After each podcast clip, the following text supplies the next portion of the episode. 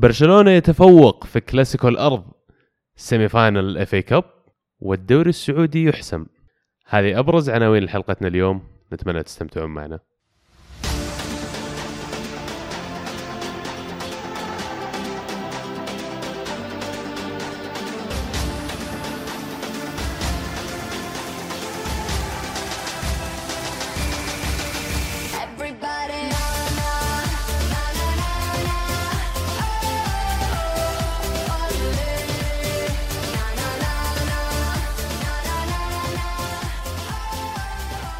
أهلا وسهلا فيكم أعزائنا المستمعين في الحلقة رقم 78 من برنامجكم الأسبوعي الكورة معنا. برنامجنا الصوتي نقدمه إحنا شباب محبين ومتابعين لكرة القدم. نحاول نقدم لكم إياه ونغطي أهم المواضيع اللي صارت خلال الأسبوع الماضي في عالم كرة القدم. ونرحب معنا بالعزيز. يا هلا وسهلا. كيف حالك يا عبد الله؟ هلا والله وسهلا. ومعنا كمان ضيف خاص اليوم واحد من أصدقائي شخصيا ومن الناس اللي فعلا أحترم وجهة نظرهم على كرة القدم بشكل عام. أحب أقول إنه old school فعلا يشجع برشلونة وبدون أي تأخير معنا باسل اليوم. يا هلا وسهلا بالجميع وأشكر استضافتكم. أتمنى إن الحوار يكون مثري وأعطيكم شوي من حقون أيام أول. إيه إن شاء الله. هذا هذا اللي فيه إحنا. هذا اللي. نحب القديمين إحنا. نبدأ أول شيء بال Champions League الأسبوع هذا صارت قرعة ال semi final والمباراة الأولى كانت ريال مدريد ضد أتلتيكو مدريد المباراه الأولى بتلعب في البرنابو. والثانية موناكو راح يستضيف اليوفنتوس في أول مباراة ومش تتوقعون حضور الفريقين في التأهل أو الاربع فرق اللي متأهلة تبي نبدأ في واحدة أول شيء؟ وقل لي مثلا مدريد أتلتي الحين ثالث مرة يتقابلون خلينا نقول في الأدوار ال semi final ولا ال final آه، هل هي اللعنة؟ ما أدري هي لعنة ولا مؤامرة يا عبد الله إيش رأيك أنت في الموضوع؟ والله- أنت تتشكى من موضوع طبعا عبد الله دائما يتشكى من موضوع بايرن يقول كل سنة يجينا بايرن وكل سنة يجينا برشلونة طيب مدريد وأتلتيكو ليه ما تشكون؟ هذا برشلونة قاعد عندك أنت قل لي إيش رأيك؟ أه، حظوظ. طبعا عشان عبد الله الواحد يكون حقاني حظوظ أرسنال والقرعة حقتهم في ال Champions League في السنوات الماضية دائما شينة. يواجهون فرق هجومية فرق منظمة فعلا. وأرسنال عيبه انه يلتزم طريقة لعبه ما يغير مهما كان الخصم. فمع الفرق الهجومية هذه القوية والمنظمة ياكل على راسه. أه، نعتذر. خلينا من أرسنال. طيب أنا أبغى أتكلم عن مدريد وأتلتي. الآن مدريد يمكن أو أتلتيكو مدريد المرة الأولى اللي تحصل له فرصة 180 دقيقة. اللقاءين اللي قبل صار بينهم في ال Champions كلها على النهائي الآن قاعدين يلعبون في ال semi final أفضل الاتلتي ولا لا؟ برأيي المتواضع أعتقد أن الثالثة ما راح تكون ثابتة. أه، بيكسرون النحس. أنت لو ترجع أصلا لكل النهائيين أه، كانت جزئيات صغيرة هي اللي فرقت. فالمباريات بشكل عام خاصة النهائي ما بالك ال Champions League من باب أولى أو من الأساس يلعب على جزئيات صغيرة. لما نتكلم على نهائي أصغر شيء يفرق في المباراة. فالهدف اللي جابه في السنة الأولى للنهائي بين أتلتيكو ومدريد راموس كان رأسية وفي الدقائق الأخيرة فرق بالتخصص طبعا.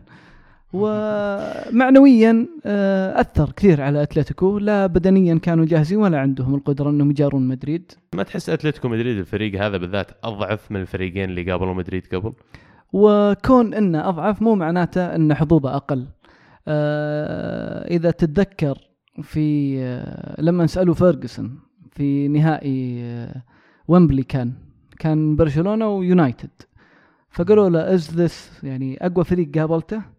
فقال بدون أي أدنى شك yes آه مع أن كثار كانوا ينظرون السنة اللي قبلها أو اللي قبل قبلها 2009 أول موسم جوارديولا انها كانت أفضل سنة لبرشلونة بالمنظومة الجديدة اللي دخلها التيكي تاكا لكن هي جزئيات صغيرة. فابدا ما أعتقد آه، كل الفرق حظوظها قائمة. إذا كان في أفضلية في المباراة فيحددها مباراة الذهاب. أنا أعتقد هذا اللي بيفرق. ومين تتوقع بيتاهل من المباراة هذه؟ أه فريق واحد أبغى. توقع أتلتيكو. هي ترى جزئية المباراتين ذهاب وإياب تفرق كثير مرة. هذه أتلتيكو آه، شفناهم يطلعون فرق كبيرة بهذا بهذا- هذه المواجهات. ما راح تكون سهلة على مدريد. آه، يمكن سطوة ريال مدريد على أتلتيكو المعتادة. يمكن تزرع في نفوس أتلتيكو بعض الخوف شوي. زي ما قلت الفريق فريق مختلف. دفاعيا ليس أتلتيكو اللي تعودنا عليه لكن آه، نرجع نقول مباراتين ذهاب وإياب آه، قد ترى التفوق لأتلتيكو. لكن إذا سالتني من رشح أنا لسه راح أقول لك ريال مدريد. أنا أتفق معك عزيز في هذا الشيء. وما دامنا عندك سحبتوا موناكو يعني من إيه. الخيارات نقول أسهل واحد من الثلاثة المتوفرين وراح تلعبون المباراة الأولى خارج أرضكم كمان أدفانتج ثاني أو يعني يعطيكم فرص أكبر بالتأهل. أنت إيش رأيك بحظوظكم؟ والله للأمانة كنت أتمنى ريال مدريد لأن ريال مدريد أسهل لنا نباريه في في مواجهتين ذهاب وإياب من إنك تباريه في مباراة واحدة في النهائي. وأعتقد ريال مدريد أو إذا سألت ريال مشجعي ريال مدريد وقلت لهم تبغون اليوفي مباراتين ولا مباراة واحدة راح يقول لك لا نفضل مباراة واحدة أسهل للريال. آه لكن جاء أتلتيكو أتلتيكو فريق هجومي يمكن من أكثر الفرق في الدوريات الخمسة الكبرى تسجيلا للأهداف. واليوفي طبعا دفاعيا أقوى دفاع في دفاع في ال Champions League السنة هذه فراح تكون مباراة جميلة أتوقعها من هجوم آه، أتلتيكو ودفاع اليوفي لكن تقصد موناكو. آه sorry آه موناكو. آم، أتوقع أتمنى طبعا ما وما ولا أتوقع ان أن اليوفي راح يستهين بال بموناكو. آه أليجري راح يدرس فريق كويس. آه حظوظنا جيدة في المباراة هذه. أنا متفائل جدا في البطولة في ال Champions League. أتوقع نتاهل لكن من ناحية سهولة ما راح تكون سهلة ابدا. أليجري فعلا يعني واحد من الأشياء اللي تحسدون عليها. مدرب ذكي ويعجبني كيف يتغير ويتعلم زي ما قلت يا عزيز حلقات قبل من كل آه، مباراة يلعبها من كل تجاربه مع الفرق اللي قبل فهو مكسب كبير أكيد لكم. آه، أتوقع ثلاثتنا نتفق إن يوفي أقرب للتأهل في المواجهة هذه. بدون تقليل من موناكو بدون أدنى شك لأن اليوفي لو ترجع من يوم ما رجعوا من ال- الدرجة الثانية بعد ما هبطوه كعقوبة آه، بعدها بسنتين كان أكبر فرق خسارة تلقوها بأربع أهداف في ال Champions League وكان من بايرن. بعدها الخسائر حتى في حالة الخسارة ما تعدى الفرق هدفين. ويحسب لهم طبعا التكامل. فريق متكامل عمره ما كان اليوفي من الفرق القوية اللي الناس تخشاها كقوة ضاربة زي الفترات اللي قد تمر على باير على برشلونة على ريال مدريد. تمر بفترات آه، تكون متفوقة. بجوانب فنية عالية لكن اليوفي دائما وابدا على مر التاريخ فريق منظم وقوي لا يستهان فيه في أي فترة من الفترات. موناكو الصراحة كان مفاجأة وهو مفاجأة ال Champions League الموسم هذا آه إنك تتغلب على مانشستر سيتي وتطلعهم. وعلى دورتموند كذلك الفرق اللي واجهتها ما هي سهلة اطلاقا. آه لعبهم ممتع وحتى لما يتقدمون بهدف وهدفين يظلون يهاجمون. شيء يحسب لهم وأعتقد إن القطار حقهم والمشوار وقف مع اليوفي. للأسف فعلا كانت من القصص الجميلة بجانب ليستر في الموسم هذا في ال Champions League. وإلى الآن ما انتهت قصتهم. خلينا نشوف إيش يصير في وما عندهم. شيء يخسرونه. يدخلون مباراتهم أصلا يعني وصلوا لمرحلة رائعة جدا فداخلين مباراة بدون شيء يخسرونه. بدون ضغط بالضبط. الضغط كله على اليوفي حاليا. آه عموما نتمنى لهم جميعا التوفيق وإن شاء الله نتكلم عنها أكثر بتفصيل أكبر في حلقة الشامبيونز. نروح لإسبانيا. الأسبوع هذا ريال مدريد استضاف برشلونة وجحفلهم برشلونة في آخر دقيقة في المباراة. ميسي يطلع بهدف رائع جدا وحسم المباراة. إيش رأيك في المباراة هذه من وجهة نظرك كبرشلوني؟ يعني بعد ال- الخسائر المتوالية اللي جتكم وش أهمية الانتصار هذا ببرشلونه؟ آه، أول شيء الحمد لله على المباراة كانت جدا حلوة. آه، نظام الدوري الإسباني المواجهات المباشرة هي اللي تحسمه. مو فرق الأهداف. فهذه تلعب دور مهم جدا في حال تعثر مدريد بخسارة من المباريات المتبقية له وبرشلونة فاز بجميع مبارياته اللي تعتبر نسبيا على الورق أسهل من مباريات آه، مدريد المتبقية. فيحسم الدوري لصالحك طبعا أه. بعد هذه المباراة بس صار ترتيب الدوري ال- الإسباني. برشلونة في المركز الأول ومتعادل في النقاط مع مدريد لكن يبقى مباراة لريال مدريد. مؤجلة فعلا مع سلتا فيجو آه لو تنظر الجدول المباريات المتبقية نسبيا مدريد آه عنده مباريات نسبيا أصعب على الورق. من ضمنها اشبيليا لكن بيلعبون بالسنتياغو آه واشبيليا في سانتياغو ما يسبب مشاكل عادة آه على مر التاريخ لمدريد. باقي لهم فالنسيا كذلك. سلتا فيجو جيد والمباراة الأخيرة لهم مع ملقا. آه في أرض ملقا. كميني بالضبط إن شاء الله إن شاء الله يصير كميني حق اللي ضد برشلونة كالعادة. آه عندك في المقابل برشلونة باقي له فيا ريال من المباريات اللي تعتبر جدا صعبة اللي قد يكفح آه يرجح كفة برشلونة إنهم يلعبون في الكامب نو. آه، المباراة البارح آه، لأي متفرج كورة أو أي إنسان يعشق كورة كانت جميلة لأنها مفتوحة من كل الطرفين. صحيح. شفنا إبداع للحراس تألق عالي من كل الاثنين. آه، شفنا لمحات فنية آه، من لاعب واحد. بس فعلا ال level حق كرة القدم في المباراة يعني أنا عارف إن كثير ناس ما يستغربون يمكن قد تكون هذه أعلى مواجهة أو كلاسيكو الأرض على قولة بعض الناس. بس إن ال level حق كرة القدم كان عالي جدا. فعلا تشوف لاعبين إلى حد ما كل واحد أفضل واحد في خانته موجود يعني يمكن من أفضل خمسة في العالم. فالمواجهة هذه انبسطت إنها ما صارت زي المواجهات السابقة اللي هي مقفلة كثير وفيها اعتماد على تقفيل الملعب ويمكن نرفزة طغت عليها. لكن هذه لا شفنا كرة قدم تلعب. مية بالمية ومن هالمنطلق. والشيء اللي يعني جدير بالذكر آه، يمكن اللي متابع وشاف المباراة على جزئيات صغيرة فرقت كثير ريال مدريد بين معاهم الإرهاق البدني أكثر من مع برشلونة بمجرد دخولهم أشواط إضافية مع بايرن. ف برضو يمكن الإرهاق على الفريقين وضغط الجدول المباريات الفترة اللي راحت ما ساعدتهم إنهم يقفلون المساحات كثير فوجدت المساحات صراحة تفرجنا مباراة آه، بدا ممتعة. باباكو القصير إيش رأيك باللاعب هذا بشكل عام قبل ما إني أدسكس أو نتناقش اختياره في التشكيلة؟ اللاعب بشكل عام صعب إنك تحكم عليه أو تقول إنه سيء. أرقامه مع فالنسيا وأداءه مع فالنسيا كان جدا مقنع. آه، المشكلة اللي تواجهها في بعض الفرق والطرق آه، أو طريقة لعب بعض الفرق آه، ما تخدم لعيبة معينين. وشفنا أمثلة كثير آه، لعيبة ناجحين جدا في أندية وجو كمثال. في برشلونة ما نجحوا طريقة اللعب ما تخدم ولا تساعد أي لاعب. كمثال إبراهيموفيتش ما في اثنين أعتقد يختلفون عليه كلاعب متمكن ولكن ما نجح. قاعد موسم واحد طريقة اللعب ما تناسب لاعب بإمكانياته. آه، كذلك شفنا الكساندر سونغ آه، لما أخذوه برشلونة من أرسنال كان من أفضل محاور الدوري الإنجليزي كان ركيزة أساسية ومع كذا ما نجح مع برشلونة. سانشيز على أنه يعتبر نجح نسبيا مع برشلونة ولكن شوف أداء سانشيز مع أرسنال أفضل بكثير. آه، لأن منظومة اللعب أعتقد لما جاء الفترة حقت جوارديولا بنى فريق حول ميسي. بالإمكانيات ال short passes مناولات قصيرة اللعب السريع. آه، البارح يعني كان مفاجأة.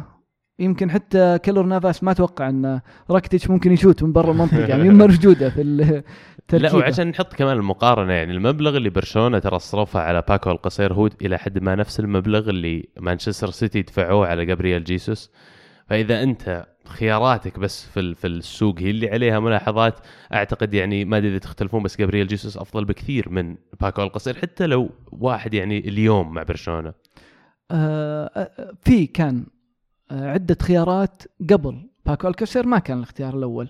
نوليتو مثلا صح. آه، كان اختيار مفضل وضغطوا عليه برشلونة وحاولوا إنهم يقنعونه بطرق عدة. لكن نوليتو كان عنده وجهة نظر إنه ما له مكان يلعب بين الثلاثة اللي هم سواريز نيمار وميسي. وقلة اللي يقول لك أباخذ الفرص القليلة اللي تتاح لي وهو في عمر يعتبر في نهاية مشواره الكروي. فبالعكس يبغى دقائق على الملعب أكثر. آه، ولكن مشكلتي أبدا ما هي مع الكسير وأعتقد إذا هي لمحة واحدة اللي ما تصرف فيها بشكل صحيح آه، المشكلة أعتقد أسوأ صفقة من فترة طويلة من يجزيك آه، هي أندري جوميز بكل أمانة. أجين لاعب آه، مرة ثانية من باب الذكر وإحقاقا الحق. لاعب مع فالنسيا أدى لكن ما ومع البرتغال كذلك ابدا. صحيح. والبرتغال أتفق معك بس ما أدى مع برشلونة ما دخل في المنظومة اطلاقا. أنا أشوف دينيس سواريز كصفقة أفضل والمباريات والدقائق اللي شارك فيها أداء أفضل. الملفت للانتباه أن أرض توران طلع برا الحسابات تماما وما في أي أسباب ذكرت. ما هو في مصاب كلام يطلع إنه في الصيف يقول إنه آه. بيطلع آه، ارسنال مهتمين لا ما كان السبب ال- ال- خروجه من الحسابات تماما ما كان على إصابة ما هو مصاب. فهذا من غريب. أشياء المفارقات الغريبة لأن بدأ الموسم هذا بشكل ممتاز. آه ولكن إذا رجعنا للمباراة آه مرة ثانية كان في جزئيات صغيرة هي اللي فرقت. الهدف الأخير اللي في الدقيقه 92 اللي هو في الكلاسيكوز آه، ردينا حقت راموس. تعادل الدقيقة الأخيرة. آه، كمشجع برشلوني أحب أشكر راموس آه، قصدي مارسيلو إنه ما ارتكب الخطأ على سيرجي روبرتو. إيه. لأن الكرة طلعت فعلا من ظهير سيرجي روبرتو. قطع الملعب كامل مودريتش حاول بكل ذكاء إنه يسبب فاول تكتيكي ويكسره لأن هي الكرة الأخيرة. مارسيلو لو تشوف الإعادة تفادى اللاعب يعني يقدر بكل بساطة إنه يعرقله فاول تكتيكي وتنتهي المباراة. لا هو تفاداه أصلا. فنشكره على أخلاقه العالية والثلاث نقاط. أصلا خروج مدريد من منطقتهم في ذيك الدقائق أشوف كان غلط ولما هجمه مرتده كانت خمس لعيبة أتوقع من برشلونة قدام ثلاثة لما لما راح مارسيلو. فأنت في آخر الدقائق وناقص لاعب وجبت التعادل في أرضك وزين التعادل والتعادل ترى. يفيدك أنت في الترتيب. خلاص يا أخي صف ورا قفل دفاع. وش قاعد إيش قاعد تهاجم أصلا؟ أنا ما أدري هي توجيهات واللعيبه تحمسوا لكن آه، ترك الفراغات في المنطقة كان كبير. أبغى أرجع للنقطة يا باسل إذا تسمح لي في أنت ذكرت المباريات اللي باقية لبرشلونة والمدريد. واقعيا تشوف إن برشلونة أقرب ولا ريال مدريد أقرب؟ إذا ما ننسى طبعا التعثرات اللي تصير لبرشلونة أمام فرق المفروض إنه ما تتعثر ما يتعثرون قدام برشلونة. طبعا النقطة هذه أنا ذكرت ويمكن في البداية قلت بحال أو إذا فرضنا أن برشلونة انتصر في جميع مبارياته. ال- السيء الموسم هذا على برشلونة والمأخذ أنهم يقبلون أهداف من فرق تعتبر أقل إمكانيات فنية ومن فرق أصلا هجوميا تعتبر ضعيفة في الدوري آه، فالتنظيم الدفاعي الموسم هذا جدا سيء ومأخذ على برشلونة. شفنا باريس سان جيرمان 4-0 آه، شفنا مع الفرق اليوفي ثلاثة مع الرأفة كان فيه فرص أكثر ما تسجلت. فالهشاشة الدفاع موجودة أنك تسجل آه، ثلاثة وتقبل أربعة مو مقبول لأي فريق يبغى ينافس على الدوري أو على أي بطولة كانت. وهذه المشكلة الأساسية اللي عندنا ال- ال- الموسم هذا اللي نعاني منه فعلا عدم التنظيم الدفاعي سيء لدرجة غير طبيعية. ال- الوصل بين الوسط والدفاع شبه مختفي وأكبر دليل على الاختفاء هذا وسوء التنظيم. أعتقد الكل شاهده في مباراة باريس سان جيرمان خط الوسط والدفاع كأنهم فريقين مختلفين تماما ما كان في أي ربط. حصلت المعجزة إذا جاز التعبير في العودة. آه، لكن ما في فريق كبير يبغى ينافس ويعتمد على جزئيات أو على حظ أو أنه يقلب نتائج. أنت تتكلم على دوري حصيلة دوري تبنى على جزئيات والمباريات اللي مع الفرق الصغيرة إذا جاز التعبير هي اللي ممكن تحقق لك أو تضيع عليك الدوري. جوابك يعني أقدر جوابي أقدر ما منه فريقنا. إنك قاعد تقول لي ما في دوري ما أضمن لا ما أضمن أو أنك فريقنا. مم- غير متفائل خلينا. يعني آه، أنا حتى في حال تعثر مدريد اللي هو لما نتكلم تعثر يا تعادلين أو هزيمة واحدة ما أضمن إن برشلونة في الوضع الحالي بال form الحالي إنهم يفوزون بمتبقي مباريات. الخمس مباريات الباقيه فعلا أتفق معك جت آه، في مواسم حصل نفس ال- ال- الوضع هذا اللي صاير قبل يمكن ثلاثة أو أربع مواسم وبرشلونة كانوا ضامنين إنهم يفوزون آخر كم مباراة. كان الموضوع واقف على تعثر مدريد. فالآن حتى أشعر فيها في جماهير برشلونة الثقة ما عاد هي نفسها. فعلا الفريق ما عاد هو بنفس القوة على الرغم من المبالغ اللي صرفت وكل اللي صار. لكن تفسيري للموضوع يمكن كآخر نقطة أبغى أتكلم عنها اللي هي آم، بعد خروج تشافي من برشلونة كانوا معتمدين بشكل كبير على بوسكيتس في نقل الكرة ما بين الدفاع والوسط والتشافي توزيع الكرة بال- بالمناولات وتوزيع ال passes في الملعب وانيستا لل dribbling في خروج تشافي ما صار عندهم واحد يناول الكرة. كان في كخليفة فابريجاس وتياغو ألكانتارا واثنينهم طلعوا. فصار الآن عندك واحد مثل راكيتيتش اللي لاعب وسط كويس لكن مو هو حتى قريب من ال level حق لا بوسكيتس ولا إنيستا في المناولات وأنت تحتاج واحد على ليفلهم أو أفضل حتى عشان يتحكم بالرتم ويتحكم توزيع الكرة في الملعب. وفعلا هذا اللي أشعر قاعد يضيع على برشلونة كثير. ال- جهد بوسكيتس ما بين إنه يكون محور ولا يكون صانع ألعاب يوزع كرة للفريق. آه، إيش صار لمدريد؟ طيب؟ في كم غياب في خط الدفاع لكن أنا أشوف إن مدريد ما ظهر بال... بال... بال... بالصورة اللي اللي كنا متوقعينها. أغلب هجم أو يمكن في ثلاث شوتات على المرمى كانت كلها تسلل. أنا ما أدري الحكم إيش كان يسوي في ذيك المباراة أصلا يعني حكم الراي كان نايم الظاهر. لكن يعني إذا قسنا خطورة ريال مدريد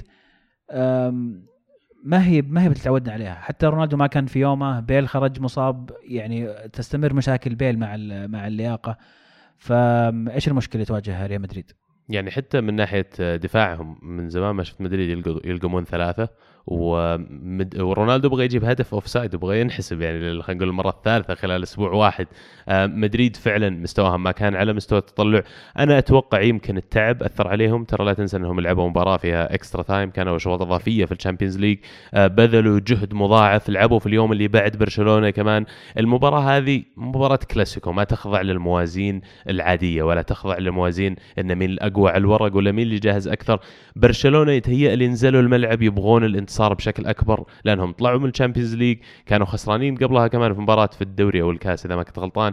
فكان عندهم الكثير ليثبتونه للجماهير كان عنده الكثير يسوى لهم كثير الانتصار هذا.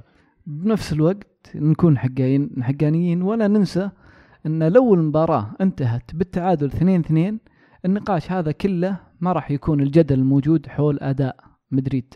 صح. لأنه يكفيه التعادل. الهدف اللي حصل في آخر دقيقة لو تجي على جزئية صغيرة وكمشجع برشلوني أقول مرة ثانية أكد إن مارسيلو انه ما ارتكب خطأ أه تحسب عليه كمشجع مدريدي لأن فاول تكتيكي تأخذ كرت أصفر صفر الحكم طلعت بنقطة لكل الفريق هذا اللي أنت سويته تكسب مباراة.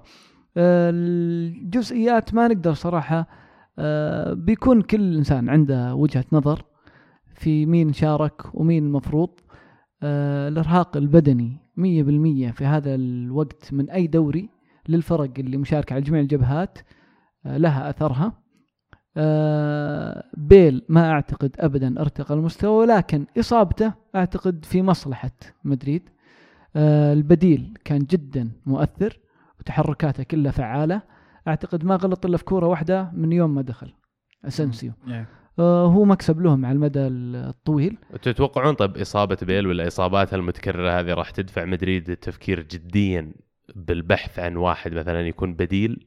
يا أما إنهم يطلعونه ويجيبون واحد galáctico بداله ولا يجيبون خلينا نقول آه، بديل مثل إيسكو خامس قادر أكثر إنه يلعب على الأطراف؟ تكلموا عن هازارد الناس كثير. ما أعتقد آه، هازارد ممكن يطلع. تصريحه أو تصريحاته الأخيرة كلها تدل إنه آه، سعيد. في تشيلسي. آه، لكن آه، مدريد على مر التاريخ آه، دائما وابدا عنده لعيبة ويعني ينتدب لعيبة من الطراز العالمي الأول ما فيها اثنين ما عندهم مشكلة في سياسة شراء اللاعبين مهما كانت التكلفة. بيل ما أرتقى للمستوى المطلوب من يوم ما انتقل في رأيي المتواضع. كان في لقطة قبل إصابته البارح الكرة نازلة على رجله مرتاح تماما. كانت انفراده ناول بدل ما يستلم ويمشي له خطوة أو خطوتين ويحقق مثلا هدف لفريقه أو يصنع شيء أخطر بكثير متوقع من لاعب بحجمه. شاته على طول خفيفة جدا في يد ترشتيجن. ما أعتقد أنا. أعتقد أن فيه ضغوط بإشراكه بكل أمانة. أه وقد أكون مخطئ. بس ما أعتقد على مستوى الفني اللي هو قاعد يقدمه وعلى الإصابات المتكررة أنك ترجع في مباراة زي كذا بينما إسكو في آخر ثلاث صح في أوج عطائه جدا. استعجلوا أنا أشوف استعجلوا صح. سمعت إن بيل هو اللي ضغط إنه طالب زيدان إن أنا جاهز وأبغى ألعب في ال- في الكلاسيكو. لكن أتفق معك تماما إنك المفروض ما يرجع. أشوف إنه إذا ما أو تدريجيا على الأقل لأن الحين وش تفادوا؟ رجع طلع مصاب. نعم. آه، النقطة الأخيرة يعني تسمحون لي سهل الواحد آه، يكون جالس في بيته ولا في ملحق وينتقد قرار أو آخر. الدوري ميزته أنه يبنى على فترة طويلة وإلى الآن زيدان هو المتصدر. فقراراته أثبتت إلى الآن أنه مدرب فاهم قريب من اللعيبة يقدر يحفزهم. لو تشوف القتالية اللي بالفريق تحسب له بدون أدنى شك وإلى الآن هو متصدر. تصحيح برشلونة متصدر لكن مدريد عندهم الأفضلية عندهم مباراة اللعب. أنت قاعد تحط الضغط على مدريد واضح يا باسل. خايف إن الضغط يصير على برشلونة إنهم بمتابعة انتصار. نقطة أخيرة قبل ما ننهي ملف الكلاسيكو. طرد راموس أنا أشوف أن إيش قاعد يسوي؟ آه، راموس دخول متهور آه، ما هي أول مرة يسويها والحكم نفسه الظاهر مو أول مرة يطلب حكم كلاسيكو قبل آه، كلاسيكو الظاهر العام الماضي أو اللي قبله ناسي لكن أيضا طرد آه، راموس فيه. آه، أشوف إنه وهق فريقه كثير بالحركة هذه. وتدخل برجلين عنيف يستاهل الطرد. كمدافع آه، واحد من أفضل خمس مدافعين في العالم حاليا وممكن إنك حتى تناقش من أفضل العشره على مر التاريخ. لكن تصرفات هذه حقته العدوانية الزايدة بعض المرات فعلا تكلف الفريق أكثر من اللازم. أتوقع أشبعنا الكلاسيكو يعني حديث لكن صدق يعني ممكن نكمل ساعة زيادة نسولف في الكلاسيكو لأن أحداثها كانت كثيرة وممتعة. يعني أنا كنت أشوف مباراة اليوفي نفس الوقت لكن من من حالات المباراة شو سحبت على اليوفي شوي وركزت على الكلاسيكو. طبعا يمكن إحنا بنقدم بطريقة مختلفة اليوم لكن المهند مو موجود. أنا قاعد أدير الحوار وأبغى أجرب شيء جديد. أدري إذا جاز لكم ولا ما جاز لكم علموني. ابد خذ راحتك. ننتقل لإنجلترا. أنا أحب أتكلم اليوم عن مانشستر يونايتد. اللي للأسف طبعا أنا كمشجع كرة قدم أزعل لما أي لاعب ينصاب أزعل لما أي لاعب كبير مثلا تصير عليه مشكلة إنه ينزل مستواه مثل حالة توريس مع تشيلسي لأنه في الأخير أبغى أستمتع أبغى أشوف لاعبين على مستوى عالي من يعني المستوى كرة القدم. ف زلاتان للأسف أصيب جاه قطع في الرباط الصليبي في مباراة اندرلخت في اليوروبا ليج البطولة اللي ما تسماش العادة طبعا ما نحب نجيب ذكر البطوله هذه في البرنامج لكن اليوم بنسوي لها exception عشان المهند مو موجود. آه، مهند مانشستراوي طبعا. okay. وش تشوفون الحين آه، حظوظ مانشستر يونايتد إنهم يخلصون في ال top four آه، بالذات إن زلاتان أصيب. هم طبعا في المباراة اللي لعبوها في الدوري فازوا 2-0 على بيرنلي. خارج أرضهم بيرنلي من أصعب الملاعب. وبس بالرغم من غياب زلاتان تمكنوا من الانتصار. آه، طبعا إصابة إبراهيموفيتش. مؤثرة بدون أدنى شك لاعب كبير اهدافه تتكلم الأرقام حقته كلها إيجابية واندماجه مع أي فريق ينتقل له في الموسم الأول دائما آه، أرقامه آه، تثير الإعجاب يعني. آه، راح يأثر بدون شك ولكن في نفس الوقت مورينيو عنده خبرة كافية بيلاقي البديل وأتوقع لهم هم قاعدين يلعبون على فرصتين. إنهم يتوجون باليوروبا ليج و أو يفوزون أو ينهون احد المراكز الأربعة. فهو يلعب على فرصتين. أعتقد أن حظوظه قائمة جدا أصلا بالفوز باليوروبا ليج. آه فما بالك إنه ينهي من الأربعة. آه التذبذب أو تغير المستوى في الفرق المقدمة اللي في الأسابيع الأخيرة آخر شهر تحديدا في الدوري الإنجليزي غير كثير من يمكن الرؤية أو التوقعات اللي الناس الجمهور المتابع الدوري الإنجليزي كان حاطه. أعتقد كان الأغلب وصحوني يعني هو كانوا ينظرون إن تشيلسي حسم الدوري توتنهام الثاني مانشستر سيتي حيظل الثالث والنقاش كان على الرابع من اللي حينهي هو ليفربول ولا آه يونايتد. اليوم تغير أرسنال وأرسنال طيب، اللي إيه، طلع لحظة. فجأة من ال- من من من الصورة مع إنه كان آه دائما عودنا آخر آه 19 سنة.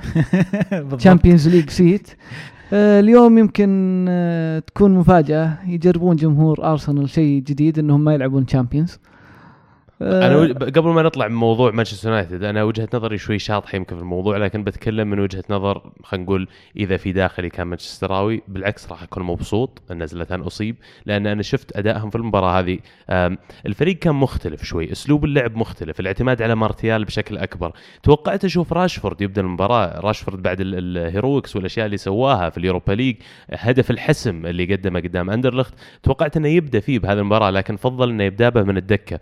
ومارتيال قاعد يقدم أداء غير معقول أنا أشوف مرة مرة ممتاز يعني في غياب زلاتان قاعد يعطيه حرية ومسافة أكثر. وشفنا رجوع روني للتشكيل الأساسي. هذه النقطة في يعني نرجع ونقول أنا في اثنين أو ثلاثة من المانشستراوية تكلموا معي أغلبهم كانوا مبسوطين بإصابة إبرة. يعني أنا تفاجأت. يعني أنا بالنسبة لي إبرة لاعب رائع وهداف الفريق. يعني حتى مو بأنا رأيي الموضوع بأرقامنا إبرة هداف الفريق. لكن وجهة نظر المانشستراوية أن اللعب يدور حول زلاتان ويبنى على زلاتان الآن ويضيع كثير من الجهد في أن نلعب لزلاتان عشان زلاتان يسجل. فلما تسحب زلاتان من التشكيله وتلعب براشفورد ومارتيال ولينجارد يتغير الفريق يصير فريق أسرع الجميع عنده فرصة للتسجيل. ففي كذا مانشستراوي زي ما ذكرت يا عبد الله مبسوطين من موضوع إصابة إبرة. طبعا لاعب كبير ويمتعنا ونتمنى له العودة قريبا لكن كمصلحة عامة للمانشستراويه في بعضهم يرون أن بالعكس هذا راح يفيد نهاية الموسم. مارتيال طبعا سجل أغلى هدف ترى في هذه المباراة في تاريخ مانشستر يونايتد إذا ما كنت غلطان. الهدف هذا كلفهم 8.5 مليون pound لأن إحدى بنود اتفاقيتهم مع موناكو كان إذا وصل عدد معين من الأهداف الظاهر 20 أو 30 هدف آه، يدفعون 10 مليون يورو. عندنا سؤال من آه، رينجو يقول تتوقعون إبرا خلاص اعتزال؟ يقولون اصابته تسعة, تسعة أشهر. وعمره 35 سنة يعني يبي له سنة أقل شيء عشان يرجع ممكن ما يكون بمستواه ما أعتقد لاعب آه، بحجمه آه، ممكن يطلع وخاصة إذا عندك الخلفية أنه آه، يلعب فنون قتالية. فأسهل عليه العودة آه. وطريقة لعبه على العموم ما تعتمد على الحمل البدني العالي. فالقدرة أو القوة الجسدية اللي عنده ما يحتاج فيها فعليا. الرباط لو تشوف على ترجع للإصابات اللعيبة اللي معروفين والإرباط أثر على مشوارهم فعلا أو منعهم من العودة آه، كانوا يتميزون أو يحتاجون السرعة جزء من لعبهم والمراوغات على مساحات أوسع. آه، أعتقد أنه يقدر يرجع ولا هو الرباط اللي حيمنعه. أتفق معك لكن أعتقد إن يونايتد ما راح يجدد له. آه، بعد الإصابة. بعد الإصابة. أو نذاله أعتقد إن عقده ينتهي هو الصيف هذا فما راح يجددون له إلا كانوا متفقين مسبقا. أتوقع إنه يمكن يستمر في العلاج عندهم بعدين يوقع مع نادي أمريكي يمكن على بداية السنة الجاية يكون دوري توه بادي عندهم. أتمنى إنه ما يصير كذا لأنه يعني زي ما قلت يعني ما يصير. لاعب لاعب أصيب عندك المفروض تعالجه. بس كيف تجدد الواحد مصاب؟ عادي هذا شفاينشتايجر؟ والمبلغ اللي يدفع له الراتب ما أعتقد ان م- يونايتد عنده مشكلة مادية اطلاقا. الكل يعرف القدرة ال- المادية العالية اللي للنادي. هو قرار وقتها وتمسك رأي مورينيو لو يجيب أو يحرز اليوروبا ليج أو ينهي الدوري في واحد من الأربعة فيضمن لهم مقعد في دوري أبطال أوروبا. أعتقد رأي مورينيو تمسك فيه له دور كبير والإدارة راح تسمع له. 100% 100% لكن زي ما قلت يا عزيز إذا هي فعلا تسع شهور مانشستر يونايتد في الأخير ما هو قاعدين يدفعون صدقات. فإذا اللاعب ما يقدر يلعب معي إلا في آخر ثلاث شهور من السنة الجاية ما أتوقع راح يجددون له. أقرب شيء فعلا يستمر بالعلاج عندهم يمكن حتى لفترة إعادة تاهيل وبعدين إذا سواء يبغى يوقع من جديد مع مانشستر يونايتد ولا يبحث له عن نادي آخر. بس عموما تسعة كثير على الرباط يعني أنا خبرها ست شهور. أربع شهور يعني بعد أربع شهور يرجع يرجع يتمرن. وزي ما قال باسل. بالذات ان اللاعب لين يعني. إيه. لكن نشوف. موضوعنا الثاني اليوم في England آه، مباراة ليفربول مع كريستال بالاس اللي ليفربول خسروا فيها واحد اثنين هدفين من بنتكي اللاعب القديم اللي كان يلعب في صفوفهم رجع وعاقبهم بهدفين. ما أدري بس العنوان الكبير بالنسبة لي هو كريستال بالاس في المباراة هذه. فريق قدر ينتصر على ثلاث فرق من الكبار. فاز على تشيلسي في ملعبه يعني إنجاز أندية قليل مرة سووه الموسم هذا. فاز على ارسنال 3-0 وفاز الحين على ليفربول 2-1 قلب المباراة كمان. تعادل من ليستر 2 هذه يعني بطل أيوه حامل اللقب يعني. طبعا Big Sam تو سام ألاردايس هو اللي مسك النادي سام ألاردايس اللي مسك ال- المنتخب الإنجليزي وصارت عليه الفضيحة اللي أقيل على إثرها. وبعد فترة الآن ما مرت هدت العاصفة اللي كانت صايرة أو اللي في الإعلام ومسك كريستال بالاس وقاعد يسوي تحول رائع في الفريق. يعني حاليا ظاهر ضمنوا عدم الهبوط. أنا معجب كثير باللي سواه آه، ال Big Sam مع كريستال بالاس من يوم مسكهم آه، واضح التغير. قعدوا clean sheet الظاهر أول أربع مباريات ما جا- ما جاء هدف كلها انتصارات. آه، فعلا أحرجوا آه، ليفربول وتحرجهم بلاعب ماخذه من ليفربول ما يبغاه كلوب. أتوقع إن كلوب الآن ندمان على بنتيكي؟ لا ابدا لأن بنتيكي آه، كلاعب كإمكانيات جيد ولكن الواحد يكون يعني واقعي. ما لعب مع ليفربول ما قدم. فما أعتقد إنه ندمان على البيع اطلاقا لأنه سجل فيهم هدفين. آه، الشيء الجدير بالذكر زي ما ذكر عبد الله آه، الفريق يحترم منظم ويلعب على نقاط القوة حقته بكل أمانة. لو تشوف مبارياتهم آه، تشيلسي كان أفضل بكثير في المباراة كمثال ولكن لعبوا على نقاط القوة حقتهم. يلعبون على المرتدات يلعبون على زاها ودائما يسبب مشاكل. الدفاعات الفرق قوي جسديا وسريع جدا. آه، فبالعكس أعتقد أن أتفق معاكم أن سام ألردايس لعب على نقاط قوة الفريق. آه، ومن هنا آه، تمكن أنه يحقق ما يعتبر مفاجأة مع ثلاثة من الفرق اللي هي تعتبر فرق ال- القمة في الدوري الإنجليزي. لوفرن طبعا ما كان على المستوى ابدا في المباراة. بالنسبة لليفربول آه كذلك التغطية الدفاعية في الكرات الثابتة الكورنر اللي استقبلوا من الهدف أمري كان يعني أو طريقة دفاع خلينا نقول نشرح طريقة دفاع ليفربول أول شيء في نظام الركنيات. يلعبون بأربع لاعبين على خط الستة هذول يمسكونهم بشيء يسمى ال zone ال marking أو التغطية اللي هو كل واحد له مساحة محددة. بالضبط تغطية منطقة محددة آه تقريبا متر في متر أو مترين في مترين منطقة صغيرة جدا. أنت مسؤول عن الكرة لما تجي هنا. قدام هذول الأربعة في اثنين كانوا يلعبون تشان وواينالديوم قدامهم اللي يلعبون زي المعترضين معترضين للاعبين اللي يجون يركضون من ورا. فبنتيكي في ال corner اللي سجله كان المفروض تشان هو اللي يمسكه. تشان لو ترجع لل- للكرة يعني حاول يعترض بنتكي ما قدر إنه طبعا يمنع من إنه يسوي الرن أو إنه يسوي ال- ال- الركضة على الكرة هذه وطلع من فوق لوفرن ومن قدام يمكن ثلاث لاعبين مرت عليهم من ليفربول الكرة وسجلها. آه، ألوم كثير دفاع ليفربول ألوم كثير الرغبة عند ليفربول بالانتصار ومن تالي خلال الشهر الماضي بالذات لما تبدأ تدخل في آخر شهرين أو ثلاث شهور في الموسم الفريق اللي بيفوز هو الفريق اللي يبغاها أكثر هو الفريق اللي فعلا ما راح يستسلم لين ينتصر. وما شفنا هذا الشيء من ليفربول.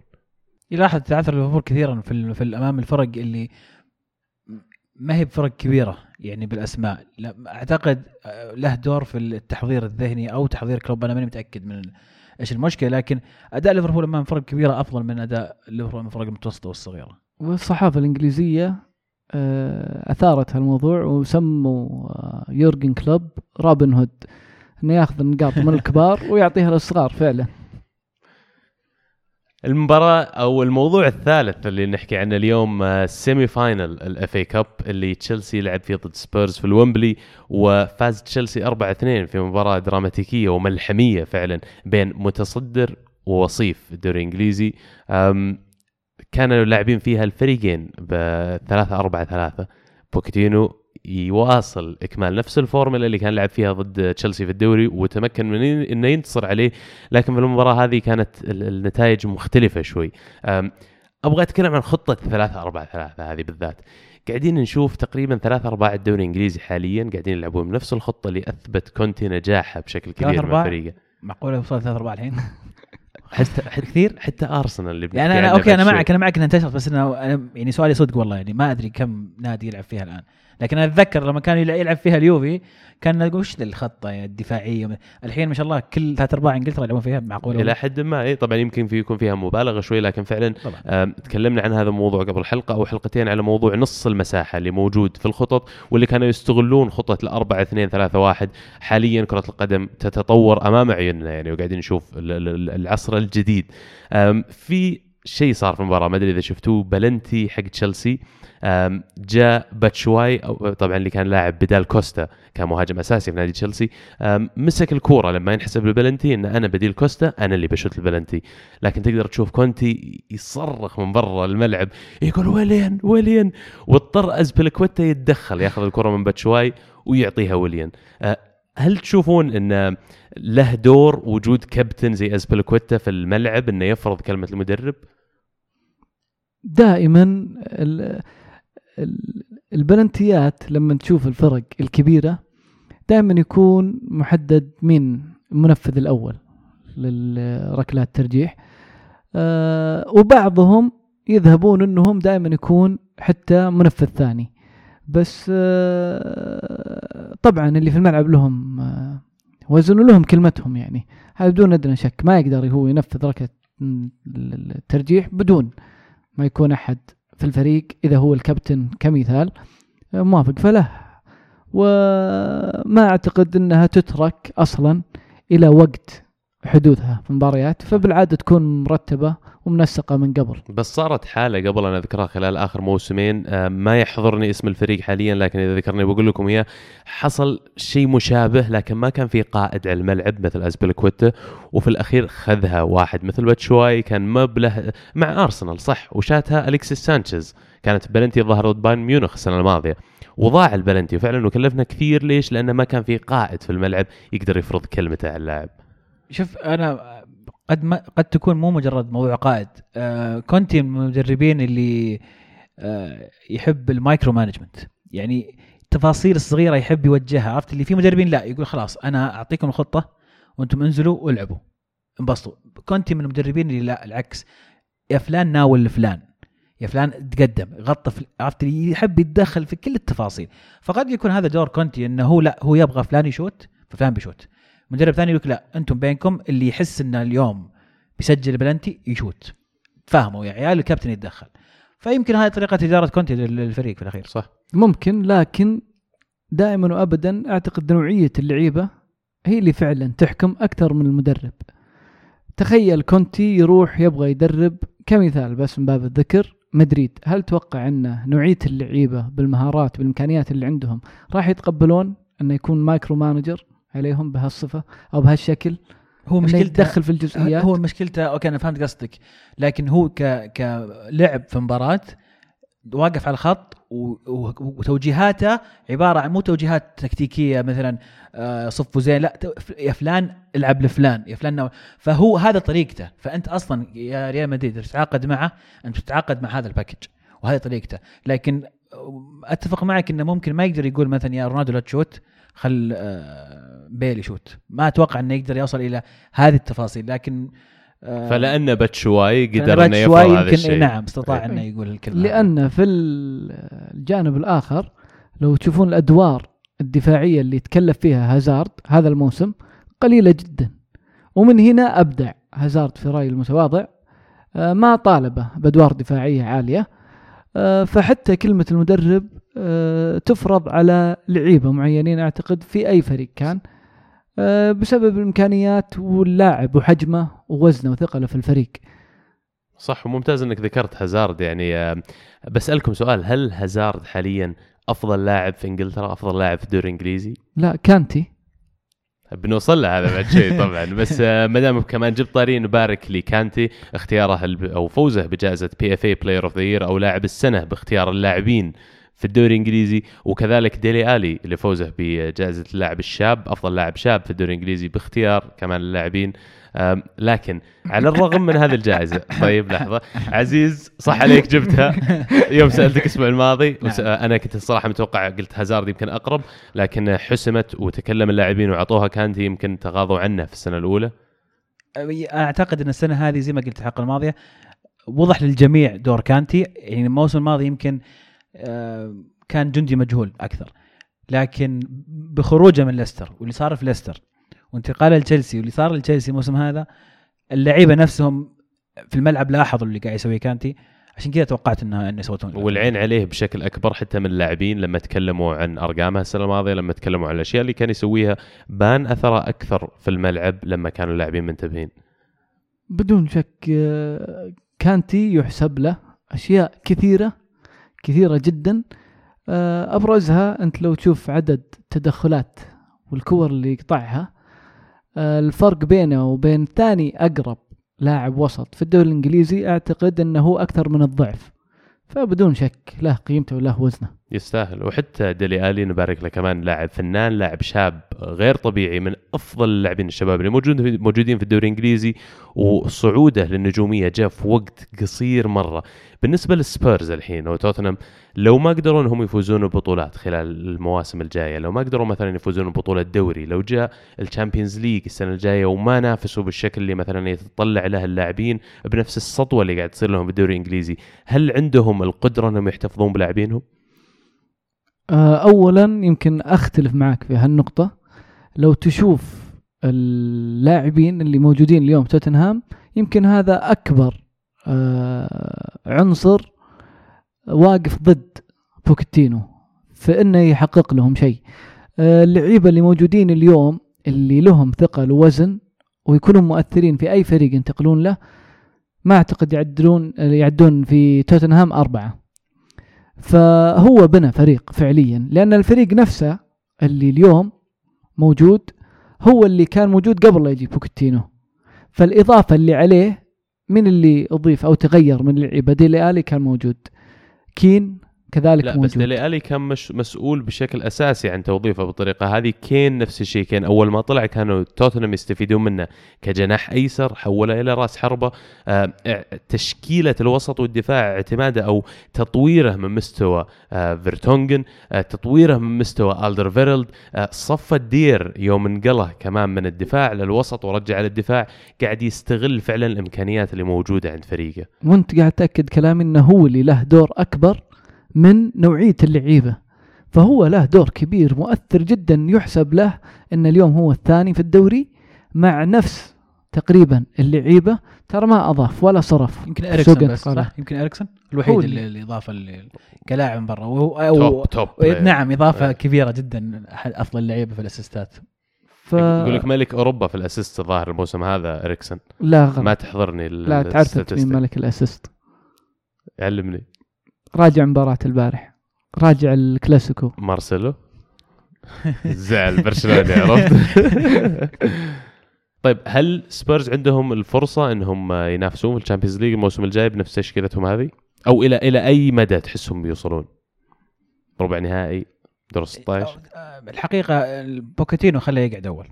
أنا عندي إحساس إن الصيف هذا بيجي أحد بيشكل بوكيتينو لأنه مدرب رائع آه، وذكي زي ما قال باسل بنى فريق منسجم لعيبة يعني كويسين خلاهم مميزين بتفاهم بالتفاهم بينهم. فأعتقد إنه راح ينشال في ال- في الصيف هذا. يمكن يروح برشلونة. ما أدري آه، إذا هذا الكلام مر عليك ولا لا. ما أعتقد آه، مع إنه مدرب قدير ومتمكن جدا بس السياسة اللي لو ترجع للنادي بشكل عام يعتمدون على مدربين آه، أو لعيبة سابقين. ما قلتوا لي وين تشوفون سبيرز آه،؟ نرجع للنقطة يعت- يعتمد على بوكاتينو. إذا بقى بوكاتينو أشوفهم ممكن ينافسون على الدوري الموسم القادم. آه، في ال Champions League يعني راح تكون تجربة جديدة بالنسبة لهم. الموسم هذا ليج ما, ما كانوا يعني كانت مجموعة مفروض تتوقع أن يتأهل منها توتنهام لكن فشل في التأهل. آه، في ال Europa League أيضا ما مشى في ال Europa League يحتاجون أعتقد تعزيزات للفريق كامل. يعني عشان يكون عندك فريقين مو فريق واحد جاهز؟ إذا تمت التعزيزات هذه أتوقع بوكاتينو عنده القدرة إنه يوصل الفريق أفضل من السنة هذه. لكن لا نبالغ نقول يوصلون بعيد. ينافس على الدوري آه، ممكن دور 16 في في ال Champions League. ومو بس تحتاج فريقين. أنا أشوف إن أي فريق مو بسالفة انه 11 لاعب أساسيين لازم عندك 15 لاعب أساسي. لأن في أي نقطة من الموسم ترى دائما في ثلاثة أو أربعة من الأساسيين غير موجودين ولا تبغى تجرب خطة مختلفة. فلازم يصير عندك أنت شوي آه، مرونة أكبر في اختيارات اللي موجودة عندك اللي متوفرة 15 لاعب على نفس ال level. إلا أرسنال يبغى لهم 20 لأن إصابات طبعا أنتم. يعني كل موسم خمسة نص هذولي في. العياده خل خمسة في العياده واربع حراس يبينا ترى دائما أربع حراس كل موسم. على طاري أرسنال. ولا ما ودك؟ على طاري أرسنال. أنا قلت ناسي شيء يا أخي. على طاري أرسنال. آه، أرسنال يصل للنهائي لمقابلة تشيلسي على نهائي الإف اي كاب. بعد ما فاز على السيتي أشواط إضافية 2-1 آم، مباراة يعني روعة أنا بالنسبة لي كانت. فرص كثير على الجهتين مفتوحة. آه، لفت نظري فينجر غير قناعته. أول مرة أشوفها يمكن من ست سبع سنين على الأقل أنه يغير الخطة اللي يلعب فيها. هو من غير من 4 4 2 إلى 4 3 3 هالخطة ما يغيرها ضد ايا كان حتى لو برشلونة ولا متذيل ترتيب الدوري الإنجليزي. هذا المباراة نزل فيها بثلاثة أربعة ثلاثة. الخطة اللي قاعدين نقول لك الحين ثلاث أرباع الدوري الإنجليزي يلعبون فيها. وتألق بشكل خاص في الخطة هذه أوكسلي تشامبرلين اللي لعب كجناح أيمن أو wing back يمين اللي هو يلعب مكان الظهير الأيمن المتقدم. آه، ال system هذا ناسب كثير المدافعين كمان اللي موجود عندنا. جابرييل باوليستا عطى أفضل أداء له بقميص الأرسنال. إيش يسمونه قلب الدفاع؟ هولدنج هولدنج لاعب عمره 20 سنة تلعب بال- بالطريقة اللعب هذه وحتى على الكورة. يعني وين وينك يا ستونز تتعلم من أداء هولدنج بالمباراة هذه؟ مشاركتي آه، في هذه إني أسمع لأن للأسف ما شفتها. آه، ولكن أنا منصدم من كلامك إنك تقول لي غير فالآن لازم أشوف ال highlights يعني. هو إيه. أصلا الفرح اللي على وجه فينجر في نهاية المباراة كان يعني ما تعودتها من فينجر لما فريقه يوصل النهائي. عادة هذه نشوفها لما يحقق البطولة. لكن كان حتى في مقابلته الظاهر بعد المباراة قال لك قال نفس الكلام. قال مرينا في ظروف صعبة والجميع كان ضدنا لكن الآن أثبتنا إن كويسين فزنا على فريق كبير أعتقد هذا الوقت المناسب إن الإدارة تعلن تجديد عقد فينجر الحين لأن هذا فرصة يعني هم تعودنا إنهم دائما مع الفرح تعلن خبر سعيد أو أو خبر يعني مو بمرة الجميع متفق عليه. يمشي فقد نسمع الخبر في هاليومين هذه لكن هذا قاعد يصير لسبب معين واضح إيه. بالنسبة لي ليش ليش الحين فينجر إيه. الضغوطات اللي يواجهها بال level هذا وبالطريقة هذه في المقابل جارديولا مثلا الضغوط اللي عليه لا تقارن بالنسبة لجماهير السيتي أو مو حتى جماهير السيتي إدارة السيتي مستعدين يبيعون اللاعبين كلهم يبيعون الملعب يغيرون الجماهير يطلعون من المدينة يسوي ايا كان بس جارديولا ما يمس حاليا. ليش فينجر في المقابل لو واحد يبنشر كفرة قدام الاميرتس قال لك فينجر out وصلت مرحلة في جميع المظاهرات العالمية انتخابات ترامب انتخابات فرنسا أشياء ما لها دخل ناس متسلقين ايفرست صارت- واحد صارت في يعني- شايل فينجر إي out صارت يعني أكثر إنها استهبال ومزح من من الواقع. وتعرف ليش صار الموضوع هذا؟ لأنه حفنة من جماهير ارسنال ارسنال Fan TV أحد أشهر ال podcastات اللي موجودة تغطيه جماهير ارسنال آه تكلموا عن الموضوع من بدري في هم أجزاء منهم أو بعض الأعضاء عندهم يؤمنون إن فينجر المفروض يطلع وتبنوا حملة فينجر out هذه. وسببت ضجة كبيرة ولعلها صارت أشبه ما يكون بالميم أو, أو إيه. بال- بالنكتة يعني إن فينجر out. و وما زالوا يطبلون على نفس الوتر. أشوف فيها disrespect أو قلة احترام كثير توجه لفينجر آه لما تقارنها بوضع جارديولا مع الفرق الكبير جوارديولا اللي يشفع له انه في خلال الفترة التد- التدريبية حقته في كل سنة يطلع بأقل شيء بطولة. فلما تجي على الفترة التدريبية حقته والعمر اللي هو قضاه سواء أربع سنوات ببرشلونة واللي بعدها الفترة في باير سنويا يطلع ببطولة. و... على الأقل. على الأقل طبعا. آه، نذكر السداسية نذكر في بايرن مرتين آه، الدوري والكاس. فعنده ما يشفع له إنك تصبر عليه موسم. طبعا. فينجر أعتقد أكبر مشكلة يواجهها وضغط إنه ما حقق شيء يذكر آه، لو آه، نستثني ال FA Cup FA Cups Cups ولا يهمك Cups ما في شيء يذكر. إي بس جارديولا تتكلم عن مسك فريق سيتي كان متأهل لل semi-final Champions League السنة الماضية مسك فريق سيتي كان ينافس بشكل أكبر على الدوري.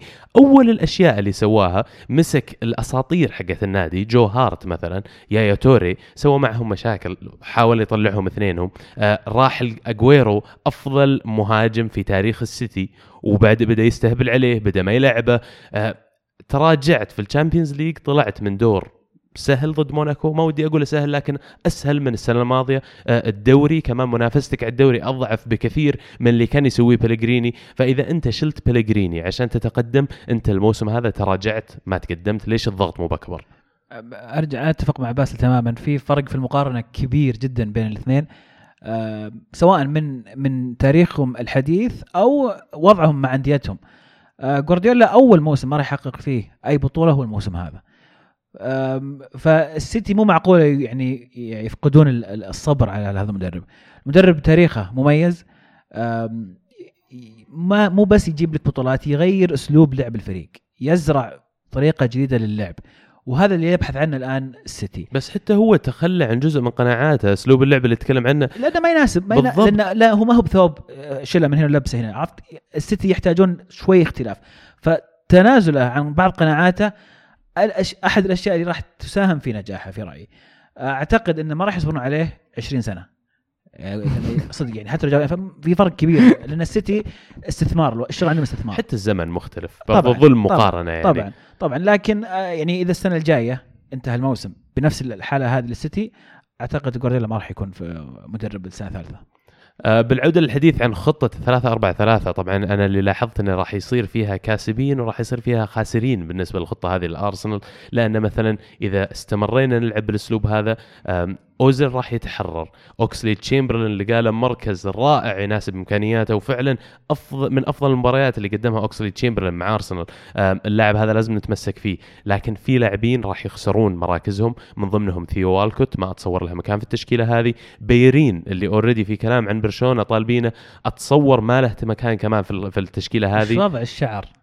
معليش أنا ما بس يعني وش وضع الشعر؟ جدايل، ها؟ بيليرين لا يا شيء ليه يعني ليه؟ ليه؟ أنا أسف بس كان محتاج أول ما قلت بيليرين تذكرت صورته كذا طلعت في راسي اللي مهم جدا تحرير أوزل. أنا أشوف الخطة هذه أوزل كان دائما ما يلقى له مركز في الأربعة ثلاثة ثلاثة وبطبيعة الحال لأنه لاعب يلعب في مركز انقرض مركز رقم 10 مر- ما عاد فيه لاعبين أصلا ولا خطط آه تمكن اللاعبين إنهم يلعبون في مركزهم المفضل هذا.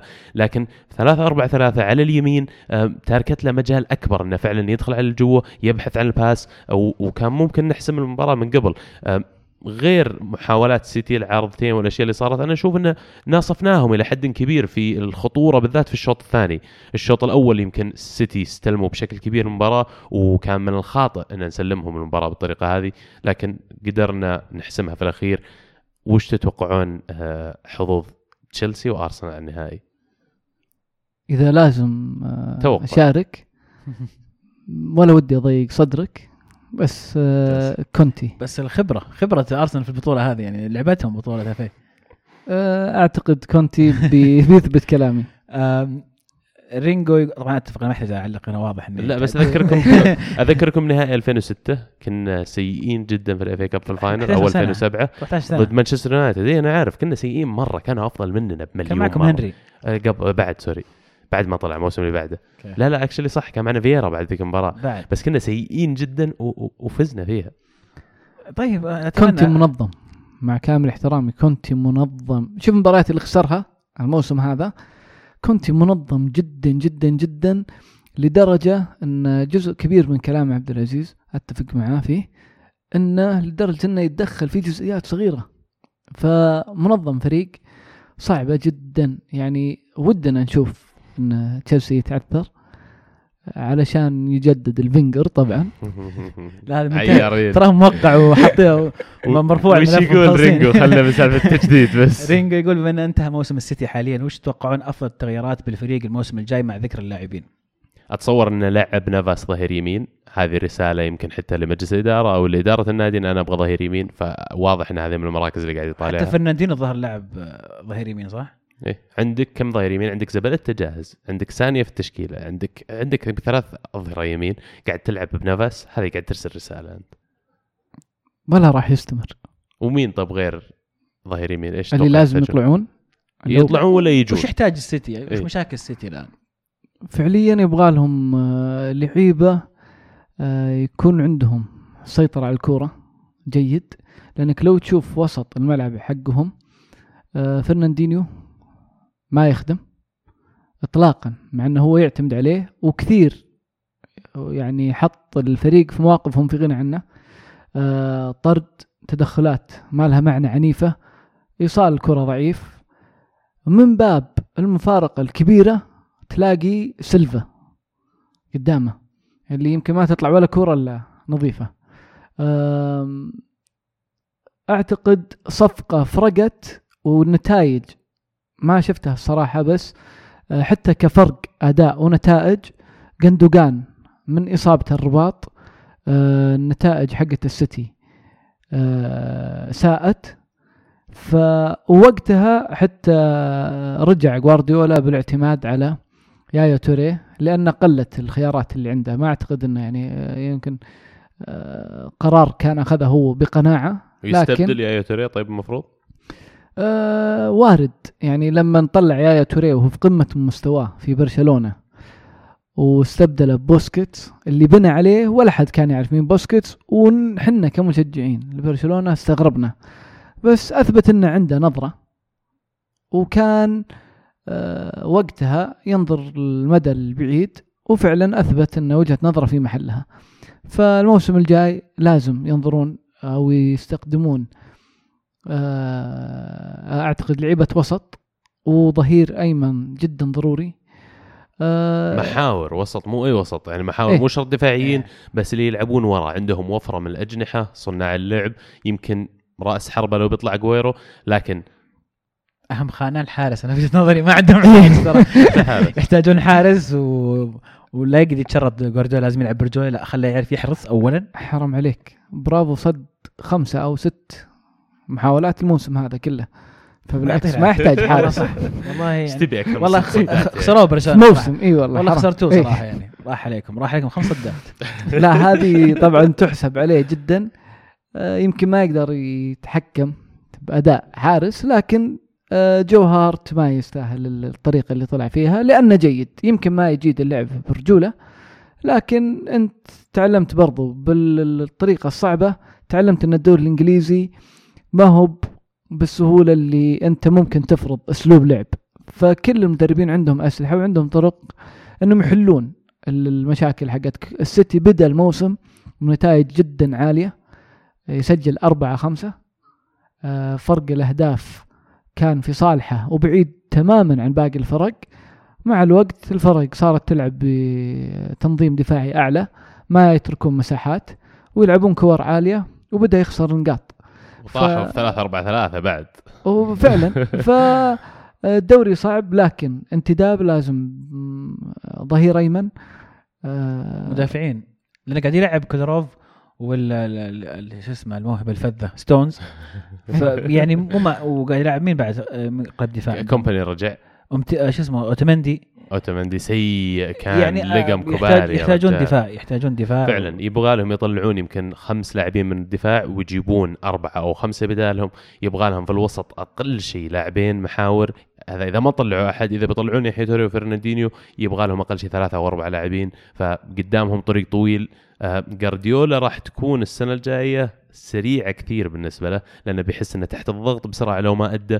آه، خصوصا بداية الموسم هذا كانت جدا ممتازة مع السيتي لكن لما مشى الموسم فعلا اكتشف صعوبة الدوري الإنجليزي في ضغط المباريات بالذات لما جاء حول ديسمبر وجانيوري. بنفس الوقت آه، ترى ما راح يكون صعب أنهم ينتدبون لعيبة آه، لأن اللعيبة اللي موجودين كذلك آه، إمكانياتهم ممتازة. يعني لما تنظر الاوتامندي يمكن يجيه مباراة مباراتين ما يلعب قد تكون عنده بعض الجوانب اللي ممكن يتحسن فيها لكن كمدافع آه، كثير أندية تمناه فما راح يتعب أعتقد في إن اللعيبة الحاليين يجدون لهم أندية ترغبهم وتأخذهم بمبالغ معقولة. هو الكلام انه بينفتح السوق من جديد وبيدخلون في آه، مبدأ المزايد واللي ينباع ب 10 مليون ينباع على السيتي ب 20 فهذه هم قابلين فيها وعندهم القدرة الشرائية فما أعتقد انها حتسبب لهم مشكلة. صح. نوصل لإيطاليا. طبعا بما أن التقديم مختلف شوي هذا الأسبوع بذكر لكم نتائج المباريات ثم بترك لكم مجال للتعليق. فيورنتينا يفوز 5 4 على إنتر ميلان. ساسولو يتعادل 2 2 مع نابولي.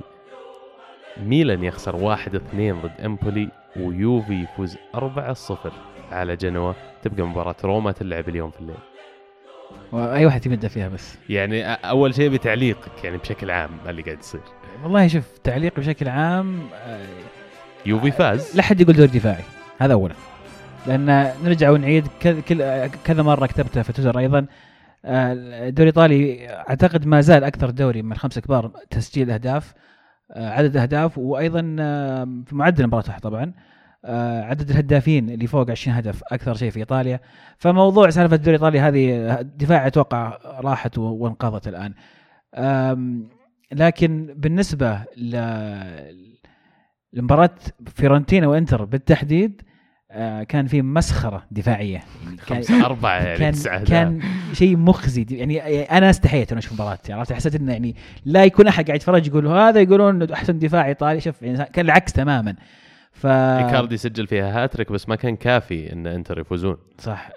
كانوا متقدمين 2-1 فجأة صارت 5 2 فيورنتينا حاولوا يلحقون جابوا هذا هدف لكن ما كانت كفاية.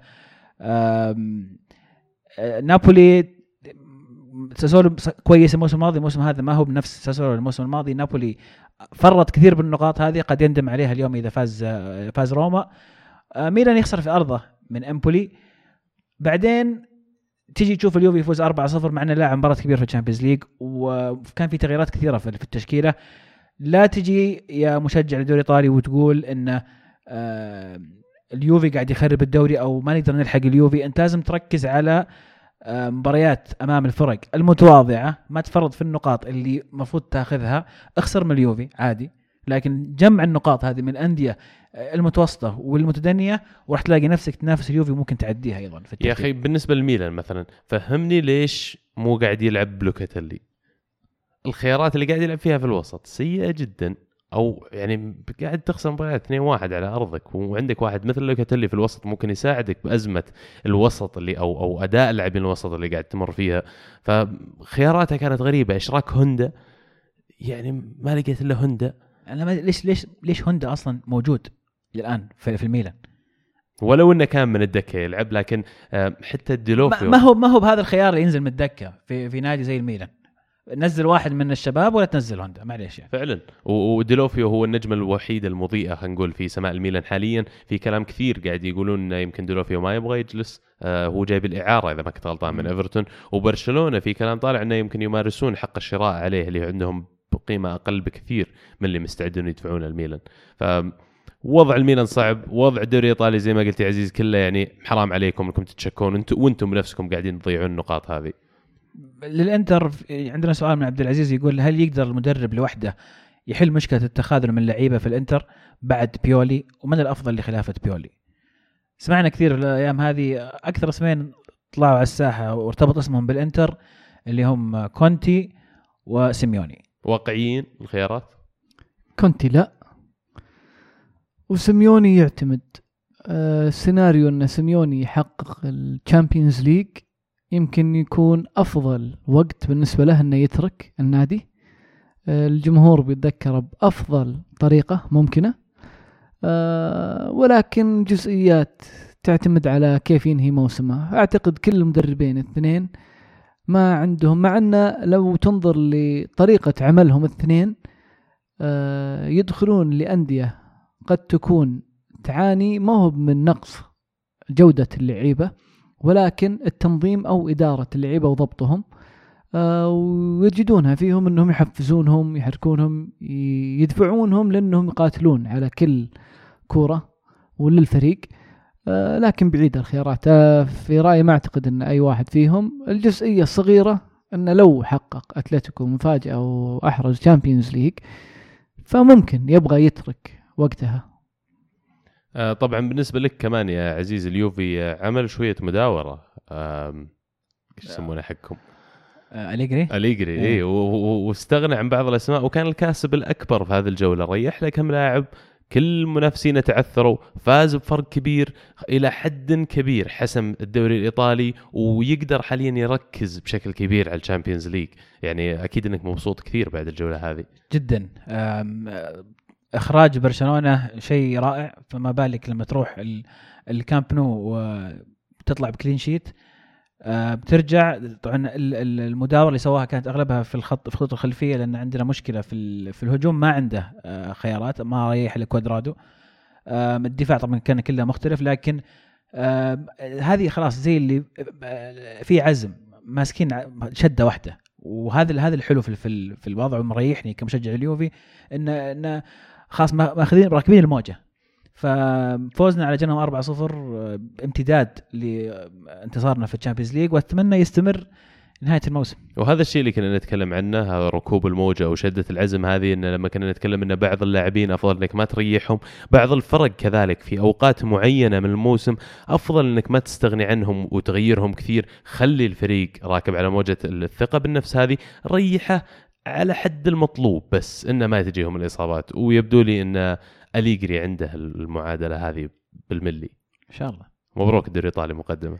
أنا ما أحب التبريكات لين يصير رسمي يعني لكن آه، إن شاء الله إن شاء الله أكثر من الدوري إن شاء الله ترى ما يعتبر تواضع هذا لا مو متواضع. لكن أنا عندي شوية لحسة. ما أحب الخرابيط هذه. ما أحب المباركة قبل ارت استباق لأن يعني تنحس. إيه، أنت أنتم راعين الرومنتاد. أنت عارفين الوضع شلون. لا مع كامل احترامي الدوري آه، اليوفي في مستوى مختلف عن باقي الفرق. اليوفي يلعب دوري بالحالة وباقي الفرق تلعب آه، دوري. على الطاري موسيقار زماني يعني يعني متوقع إن اليوفي الآن يفوز بالدوري السادس. فموسيقار زماني يقول لا يوجد في الدوريات الخمس الكبرى فريق حقق سبع دوريات متتالية غير ليون. توقعون من يكسر رقمهم وإذا كسره كم بيوصل دوري؟ والله حاليا خطر كبير على اليوفي آه الاستثمار الصيني في الميلان آه كذلك الاستثمار الصيني في الميلان راح أتوقع يفيد كمان حتى الإنتر لأن ملاك إنتر راح يحسون إنه في جزء من المنافسة على موضوع من يقدر يبني أفضل فريق فخلال السنتين القادمات أتوقع لقطبي ميلان إنه يسببون مشاكل كبيرة لليوفي للاحتفاظ بلقبه لمرة خلينا نقول سابعة أو ثامنة. أنا في جزء الصعوبة أتفق معك ولكن الصعوبة في الدوريات واستمرار الفريق بتحقيق الدوري سنة وراء الثانية آه، بالعادة تكون المعضلة والمشكلة الأساسية من الفريق نفسه المتوج. صح. آه، أنك تجد القدرة أنك تحفز اللعيبة هذولا أنهم يستمرون بالعطاء وبهذا المستوى هذا أصعب شيء. خمس سنوات ورا بعض تحقق الدوري. وش الكلام أو المحفز اللي أنت ممكن تجي وتجي وتدير نفس هاللعيبة اللي موجودين اللي حققوها خمس سنوات ورا بعض يحسون إنهم أحسن فريق موجود في هذاك البلد. آه اللي يحسب لإدارة اليوفي كل السنوات الماضية إنهم دائما ما يغيرون كذا عنصر في الفريق. مو بشرط إنهم يكونوا أساسيين ولا ركيزة بس الإضافات الصغيرة هذه الصفقات اللي يأخذون لعيبة آه، بانتقالات حرة أو مبالغ جدا بسيطة. آه، كلهم لو تلاحظ لعيبة لهم وزن في فرقهم السابقة آه، لعيبة منتخبات دوليين. هذا يخلي الدافع لسه يكون موجود.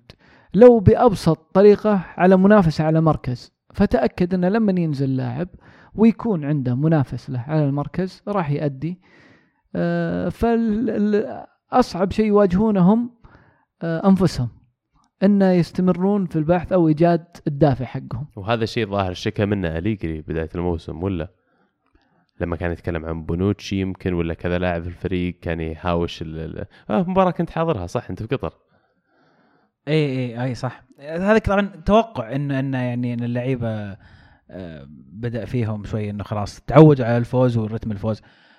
لكن يحسب هذا مرة أخرى أليجري إنك تيجي أصلا استلم فريق فايز بجد ثلاث مرات وكل سنة تحفيز. زي ما ذكر باسل نقطة مهمة. اللعيبة الإضاف الجديدين الإضافات هذه الصغيرة تلعب دور لأنك لما تجيب هيغوايين هيغوايين ما قد فاز بالدوري. يبغى يفوز بالدوري. عرفت؟ ف وقس على ذلك لعيبة آخرين. على طاري الموضوع هذا إحنا ما ذكرنا سؤال الحلقة الماضية اللي كان في خصوص هذا الموضوع. كان السؤال أي الأندية التالية الأقرب لمنافسة يوفنتوس الموسم القادم في إيطاليا ولماذا؟ نسبة طب خلينا نوجه السؤال لك. أه، طبعا كان خيارات روما نابولي إنتر وميلان. طبعا كل واحد فيهم عنده مشروع قاعد يشتغل عليه. روما جابوا أه، مدير شبيليا.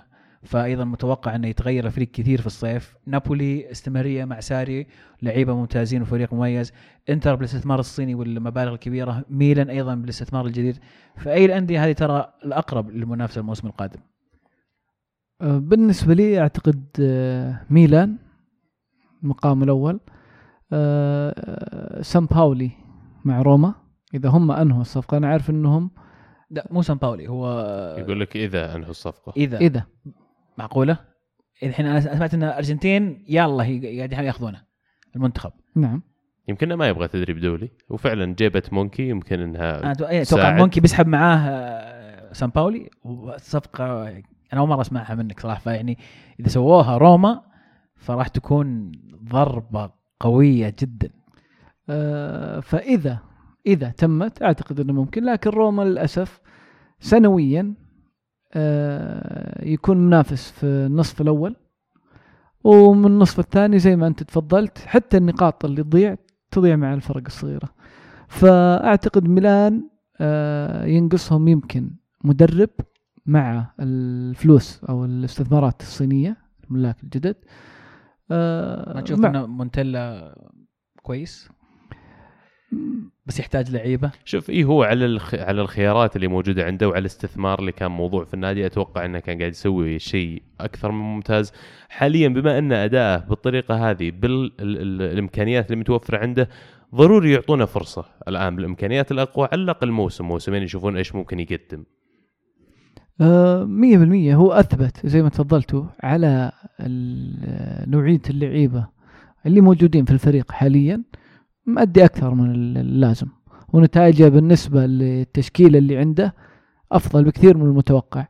آه، مع الاستثمارات بيجي أعتقد عنصر جدا مهم في السنوات القليلة الماضية اللي هو مشاركة الفريق في دوري أبطال أوروبا. اللعيبة اللي عليهم الكلام حتى لو عندك القدرة الشرائية بدون مشاركة في كثار يرفضون. قلهم اللي يتوجهون لأندية حتى لو كان العقد أو الرواتب اللي حتدفع لهم أفضل بدون مشاركة في دوري أبطال أوروبا في كثار يعيدون النظر مرة ومرتين وثلاثة. صحيح. نتائج التصويت كانت آه، 35% لنابولي آه، في المركز الأول يعني آه، ثانيا كان ميلان ب 33% آم، بعدين الإنتر ب 22% وفي الأخير روما ب 10% أتوقع فعلا أنا أتفق كثير مع التصويت حتى بالنسب هذه نابولي هم اللي موجودين حاليا فريقهم جاهز ميلان أقرب فريق خلينا نقول إنه يتفجر. إنتر مشروعهم طول شوي أكثر مما الناس متوقعين فيمكن متشائمين عليه بشكل أكبر وروما ما اتصور انه بيتغير وضعهم كثير.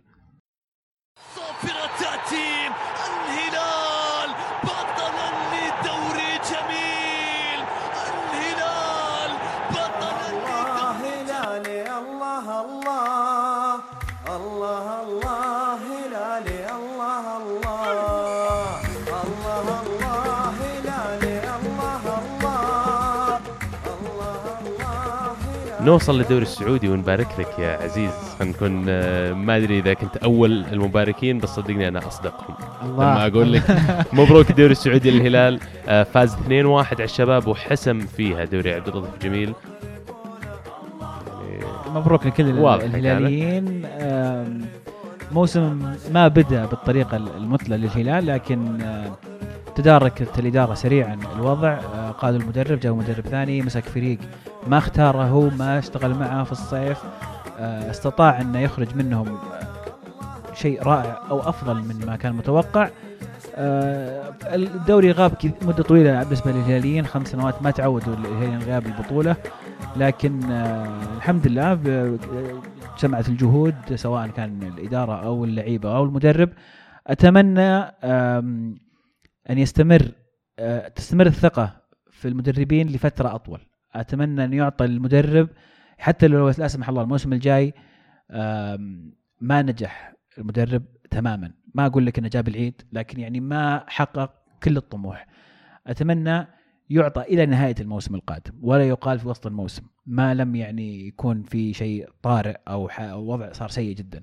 مدرب جاب لك الدوري آه، تأهل اليوم إلى في في دوري الأبطال إلى المرحلة القادمة. بعد تعادل 0-0 مع صحيح. اصفهان الإيراني. نعم. آه، واصل آه، إلى نصف النهائي كأس الملك. يعني نرجع ونقول إنه هو جاء في وسط الموسم. فاللي قاعد يسويه أكثر من من رائع وأكثر من متوقع منه. نتشوق لنرى ماذا يحدث في ما سيحدث في الصيف آه، إذا جاب لعيبة. هو اللي يبغاهم هو اللي يختارهم. آه، أتوقع راح يكون في تغييرات كثيرة لأن الفريق ما هو يعني آه، رائع. الدوري السنة هذه كان ممتع صراحة. أكثر من السنوات الماضية كان في أكثر من فريق كان له أمل في الدوري أو ينافس على الدوري. شفنا الأربعة الكبار يتصارعون في مراكز الأربعة الأولى إلين آخر كم جولة الهلال ابتعد أكثر. أيضا صراع الهبوط مشتعل. الدوري الدوري يعني السنة هذه جميل. اللي يعني بس الشيء الوحيد اللي يمكن ينقص الدوري السنة هذه الفرق اللي في الوسط ثابتة في الوسط. ما حتى حاولت تقرب من الاربع الكبار ولا كان صراع هبوط أكثر من صراع كونه هبوط صراع على المقعد. وصراع أربع صراع الدوري. والباقي تكملة عدد فقط. طبعا أتوقع أنا أتكلم بصفتي نصراوي وأتوقع جميع ال- ال- الجماهير الأندية الثانية كمان اللي نافست على الدوري السنة هذه ال- الأشياء اللي يجب تعديلها ما هي بكثير كبيرة في أشياء معينة لازم تغير فريق وكان قاب قوسين أو ادنى أي واحد من الثلاث فرق اللي تحت الهلال إنه يفوز بالدوري كذلك. نتطلع الموسم الجاي نشوف الإدارات إيش بتحط لمسات على الفرق الاتحاد مع الاستقرار الإداري بشكل أكبر الأهلي طالما كان يعني فريق قوي في الفترة الماضية لكن الموسم هذا في بعض النتائج راحت ضده والنصر ضيع النقاط في المباريات السهلة ف اتطلع المنافسة الموسم الجاي. في عندنا سؤال من ايريك جيرتس. طبعا باسل ما تدري إحنا ايريك جيرتس صديقنا. صديق البرنامج. صديق البرنامج مدرب يعني- دولي كبير. نعم بلجيكي. هو يرسل لنا طبعا دائما كل أسبوع يرسل لنا أسئلة. فالأسبوع هذا مشاركنا أيضا بوجهة نظر يقول بدأت أحس إنه إذا في إذا فريق يبي يجيب الدوري لازم يجيب هوساوي. ما شاء الله عليه وين ما يروح يحقق الدوري لاعب نموذجي مبروك لكم الدوري. يعني أكيد في لاعبين في عندهم بركة الفوز زلاتان مع الدوري آه، إيتو مع ال Champions League في كم من لاعب إذا بغيت بطولة تجيبه فما تدري. بس ترى أذكركم كل اللاعبين اللي ذكرناهم لمسة الحظ هذه اختفت ترى. صح في جت فترة. لكن هوساوي فاز الموسم الماضي وفاز السنة هذه لكن أيضا معيوف فاز الموسم الماضي وفاز السنة هذه. هوساوي أضاف كثير للهلال في الدفاع. أكثر من إضافة فنية إضافة قيادة للفريق كنا محتاجين بعد أه، مغادرة ديغاو وكواك. أيضا ستزناوي تاريخي يقول بعد ضمان هبوط الوحدة تتوقعون وين يروح أفضل مهاجم سعودي وأحد أفضل المهاجمين هذه السنة؟ مختار فلاته. وهل في أحد منكم يتمناه؟ والله أنا مشكلتي مع اللاعبين بشكل عام الصغار في السعودية أن نادر منهم اللي يثبت على مستواه ونادر منهم اللي يتطور فعلا يصير نجم في المستقبل فأتخوف لما يجي نادي يطلب مني مبلغ كبير على لاعب صغير أفضل مهاجم سعودي؟ ما أقدر الصراحة أعلق لكن في ال- النقطة اللي ذكرها عبد الله إدارات الأندية في السنوات القليلة الماضية هي اللي قد تكون أثرت على مستوى استمرارية اللعيبه آه، نشوف مبالغ مهولة. في ناس ما قدم إلا موسم واحد في مشواره الكروي وأنت على موسم واحد ما تعطي عقود فعليا مبالغ كبيرة. فأعتقد إن لهم دور.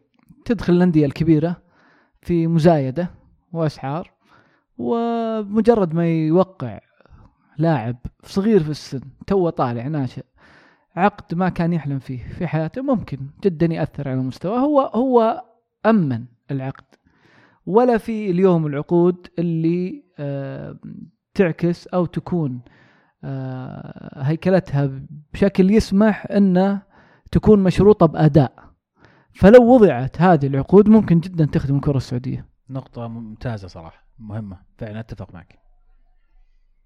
ومع هذا نوصل لفقرة بطل وبصل.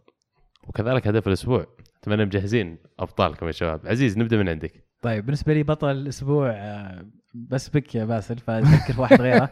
آه، ميسي بطل الأسبوع لأنه آه، لأنه قاعد يسوي أشياء مش سوية ويستمر يمتعنا و وما أدري شفته أمس بس ترى رجع ربط الكورة برجله بالحبل اللي دائما اتكلم عن الحبل اللي مربوط. فأمس شفنا الحبل رجع. بصل الأسبوع بالنسبة لي دفاعي فيورنتينا والإنتر على المباراة ال- ال- ال- الشخبيط اللي صارت في الدفاع. هدف الأسبوع هدف بونوتشي اللي سجله أه، استلم الكرة في الدائرة وسحب مدافعين وصل للقوس وسدد شيء ما تتوقع من قلب دفاع. أه ببدأ أنا بعدك بطل الأسبوع عندي خطة ثلاثة أربعة ثلاثة. وبالذات اللي لعبنا فيها إحنا ضد مانشستر سيتي. قل فينجر ودك تقول والله ودي. أقول الصراحة مو بس فينجر لأن حتى الأوكسي يستاهل بشكل عام ال system هذا. جربوه أثبتوا نجاحه. عجبني ان واحد مثل فينجر فعلا استخدم ال system هذا ونجح مع الفريق. بصل الأسبوع بالنسبة لي الصحافة الإنجليزية على الضغط اللي قاعدين يحطونه مو بس الصحافة actually حتى الجماهير الكرة الإنجليزية الضغط اللي قاعدين يحطونه على أرسن فينجر لا يتوازى مع الضغط اللي قاعدين يحطونه على المدربين الثانيين على اللاعبين الآخر- الآخرين وكمية اللوم اللي قاعد تجي عليه مو عجبتني. هذا بصل الأسبوع بالنسبة لي. هدف الأسبوع هدف ماتيتش على سبيرز هدف أوتوماتيتش يعني. آه كورة سرعتها 110 من برا منطقة الجزاء. في الزاوية اللي يعني في بيت الشيطان إيش يسمونه؟ حيث يسكن الشيطان. الشيطان في التسعين طبعا عبد العزيز سبقني. فأنا ما أدري إن القوانين تمنع إني أقول برضو نفس المشاركة. بطل الأسبوع بالنسبة ما لي. تمنع بس يعني إحنا ودنا نوسع الدائرة. بكل أمانة الدائرة آه المشكلة اللي أنا أشوفها إن المباريات اللي يقدم فيها اللمحات الفنية هذه قلت يمكن في آخر سنتين. تغيير السرعات تغيير الاتجاه ال- يمكن الحبل زي ما انت ذكرت الكورة فعلا البارح مب مفارقة رجله. شفته يستلم إلى يرجع إلى السناتر يستلم كورة إلى هذه الدرجة كان مهتوي يلعب. أعتقد تعودنا وشفنا مستويات واستمرارية عالية آه من ميسي في السنوات اللي راحت اللي هو اعتدنا يمكن على المستوى هذا فما صرنا نقدره بالقدر اللي هو يستحقه. نقطة مهمة أتفق معك. لما تتعود على شيء آسف مقاطعة بس نعم. لما تتعود على واحد زي ميسي تبدأ تنسى لما يقعد يعيد يعيد تنسى إنه هذا شيء مميز خلاص تحس انه هذا عادي. صحيح. ولأن آه، قلت الطريقة هذه اللي هو يتحرك فيها فعلا ويبذل مجهود بدني عالي ويغير اتجاه وياخذ لاعب واثنين وثلاثة من وسط الملعب لأن ما شفناها لنا فترة حسينا بقيمتها البارح.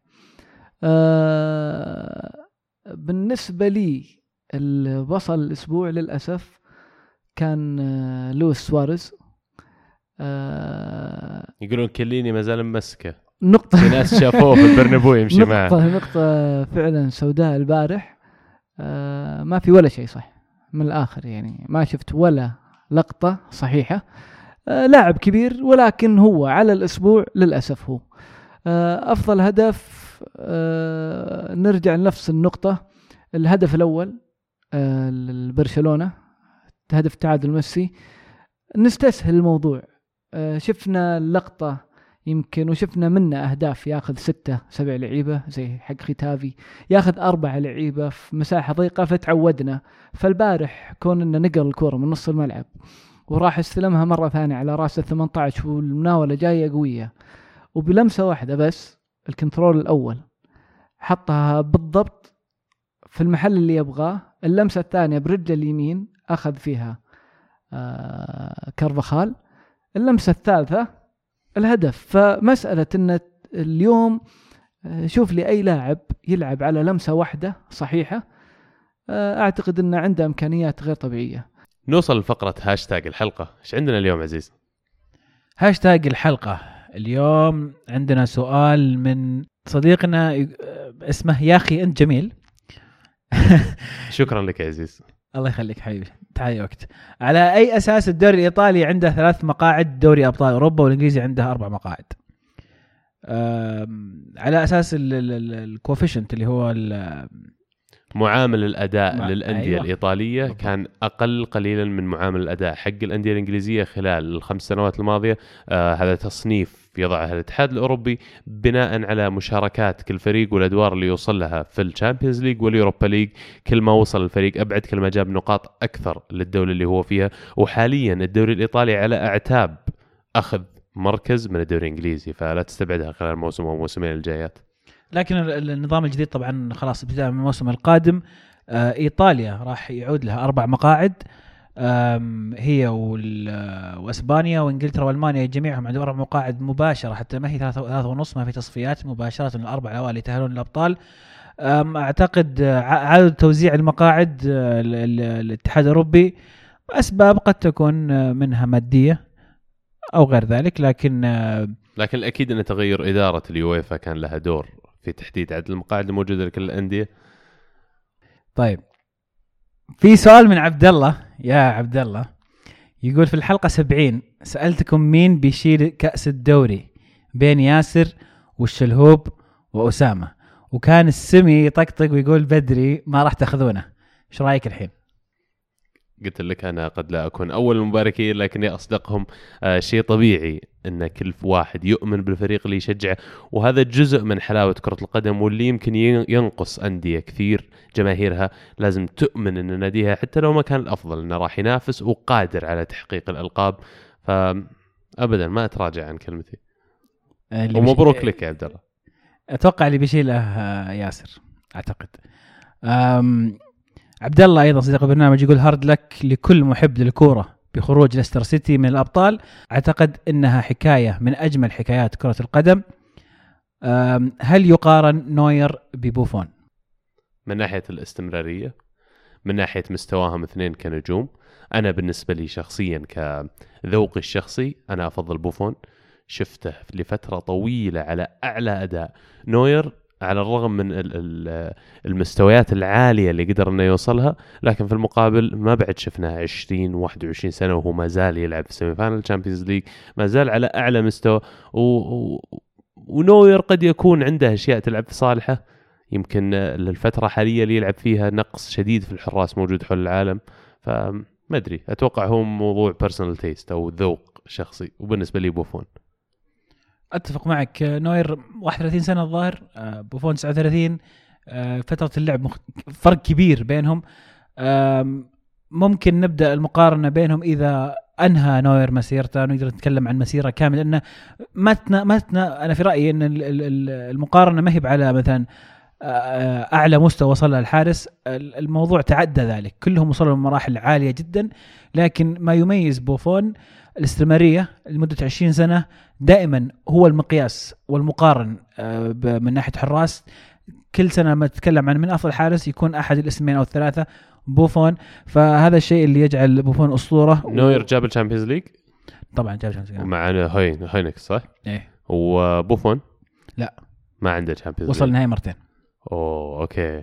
أجل آه، بقت له واحدة شكل الموسم هذا.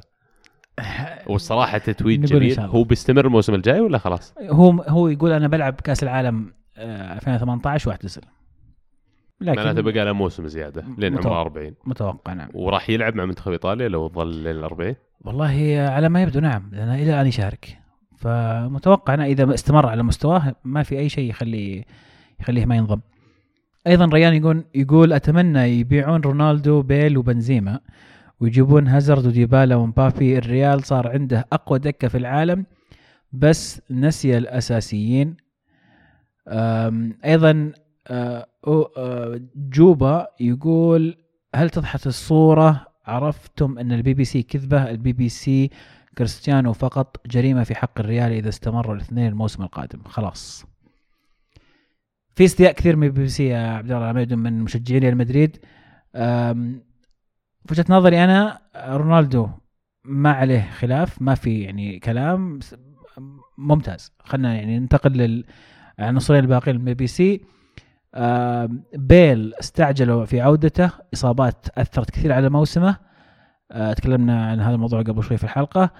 آه، بنزيما أشوف أنه يعني ظلم كثير نزل مستواه فترة وإلى الآن هذا يأثر آه، في رأي ال- المتابعين له. وفي قسوة شديدة على بنزيما. أنا بالنسبة لي كمشجع فريق آخر أتمنى أشوف لاعب مثل بنزيما في فريقي. بيل بغض النظر عنهم استعجلوا في عودته ولا لا مشاكل الإصابة هذه ما هي بجديدة ولا هي بحديثة. موضوع هذا معه من أيام توتنهام ومشاركاته مع ويلز كذلك. اللاعب دائما نقول اللي يعتمد على الانطلاقات الصاروخية ولا ال- الحركة السريعة والتسارع عنده من الصفر إلى 100 في ثواني معدودة يعني. دائما عندهم مشا- مشاكل في العضلات و يعني أتوقع انه قد يكونون أفضل لهم لو يصير عندهم بديل لبيل. إيسكو حاليا قاعد يقوم بهذا الدور على أكمل وجه أنا أشوف في حال غياب بيل يعطي مدريد كمان خيارات مختلفة. لكن ما أدري وش الضغوطات حتى من الرعاة على موضوع إشراك بيل. صح هذه وجهة نظر. آه كاد أيضا يقول هل بتأثر خسارة في مدريد في الأبطال والدوري؟ أوه يمكن أنت خبرتك هذه أكبر تعرف أنا ما انافس الأبطال والدوري فما حلو حلو الانسحاب شكرا. آه لكن آه ما أعتقد في الأبطال لأن في وقت آه المباراة ما هي الأسبوع هذا الأسبوع اللي بعده آه فريق كبير مدرب آه جيد. فعلا مدرب رائع يا أخي. زيدان ترى الناس مو قاعدين يعطونه حقه. جارديولا يوم أول ما طلع مع برشلونة ترى كل العالم تصفق ويعني كانت مهتمة كثير باللي قاعد يقدمه جارديولا. حاليا اللي قاعد يقدمه زيدان مو هو بأقل. لأن الفريق اللي عنده أضعف من الفريق اللي كان عنده جارديولا ذاك الوقت وتجربته التدريبيه محدودة جدا. نكتفي بهذا القدر. حاولنا ناخذ الأسئلة اللي ما طرقنا لها في وسط الحلقة. عشان ما تطول الحلقة عشان ما نطول أكثر. من كذا إيه. طولنا عليكم. شكرا لاستماعكم. شاركونا الأسبوع شكرا لمشاركاتكم أيضا اللي دائما ما تثري الحلقة. شاركونا الأسبوع القادم على هاشتاج الحلقة الكورة underscore معنا 79 أشكركم الصراحه على آه، الفرصة الجميلة والاستضافة الحلوة. والله يصبركم على نقاشات فينجر. وإحنا كذلك والله شاكرين لك تواجدك معنا أثريت حلقتنا وفعلا قدرنا وجهة نظرك حتى لو ما كنا نتفق معها كلها. لا فعلا حضورك أضاف للحلقة كثير. أتمنى ما تكون هذه آخر زيارة يا باسل. بإذن الله يشرفني. آه، طبعا قدمنا اللي عندنا اليوم. نتمنى أنكم تشاركونا في هاشتاج الحلقة الجاية. الكرة معنا. 79 آم، شاركونا بأسئلتكم آرائكم مشاركاتكم ما نستغني عن متابعتكم ودعمكم كذلك على جميع حساباتنا على ال social media كذلك تابعونا على SoundCloud و iTunes أعطونا rating ترى يفرق كثير بالنسبة لنا ونقدر دعمكم. وحتى لو عندكم نقد هاتوا النقد قبل المديح لأن نعرف كيف نتطور من هالكلام هذا. آه، كانت هذه تغطيتنا معكم اليوم. نتمنى تكونوا استمتعتم بالحلقة ونراكم إن شاء الله. الأسبوع القادم في حلقتنا المعتادة كانت الكرة معنا والحين الكرة معكم.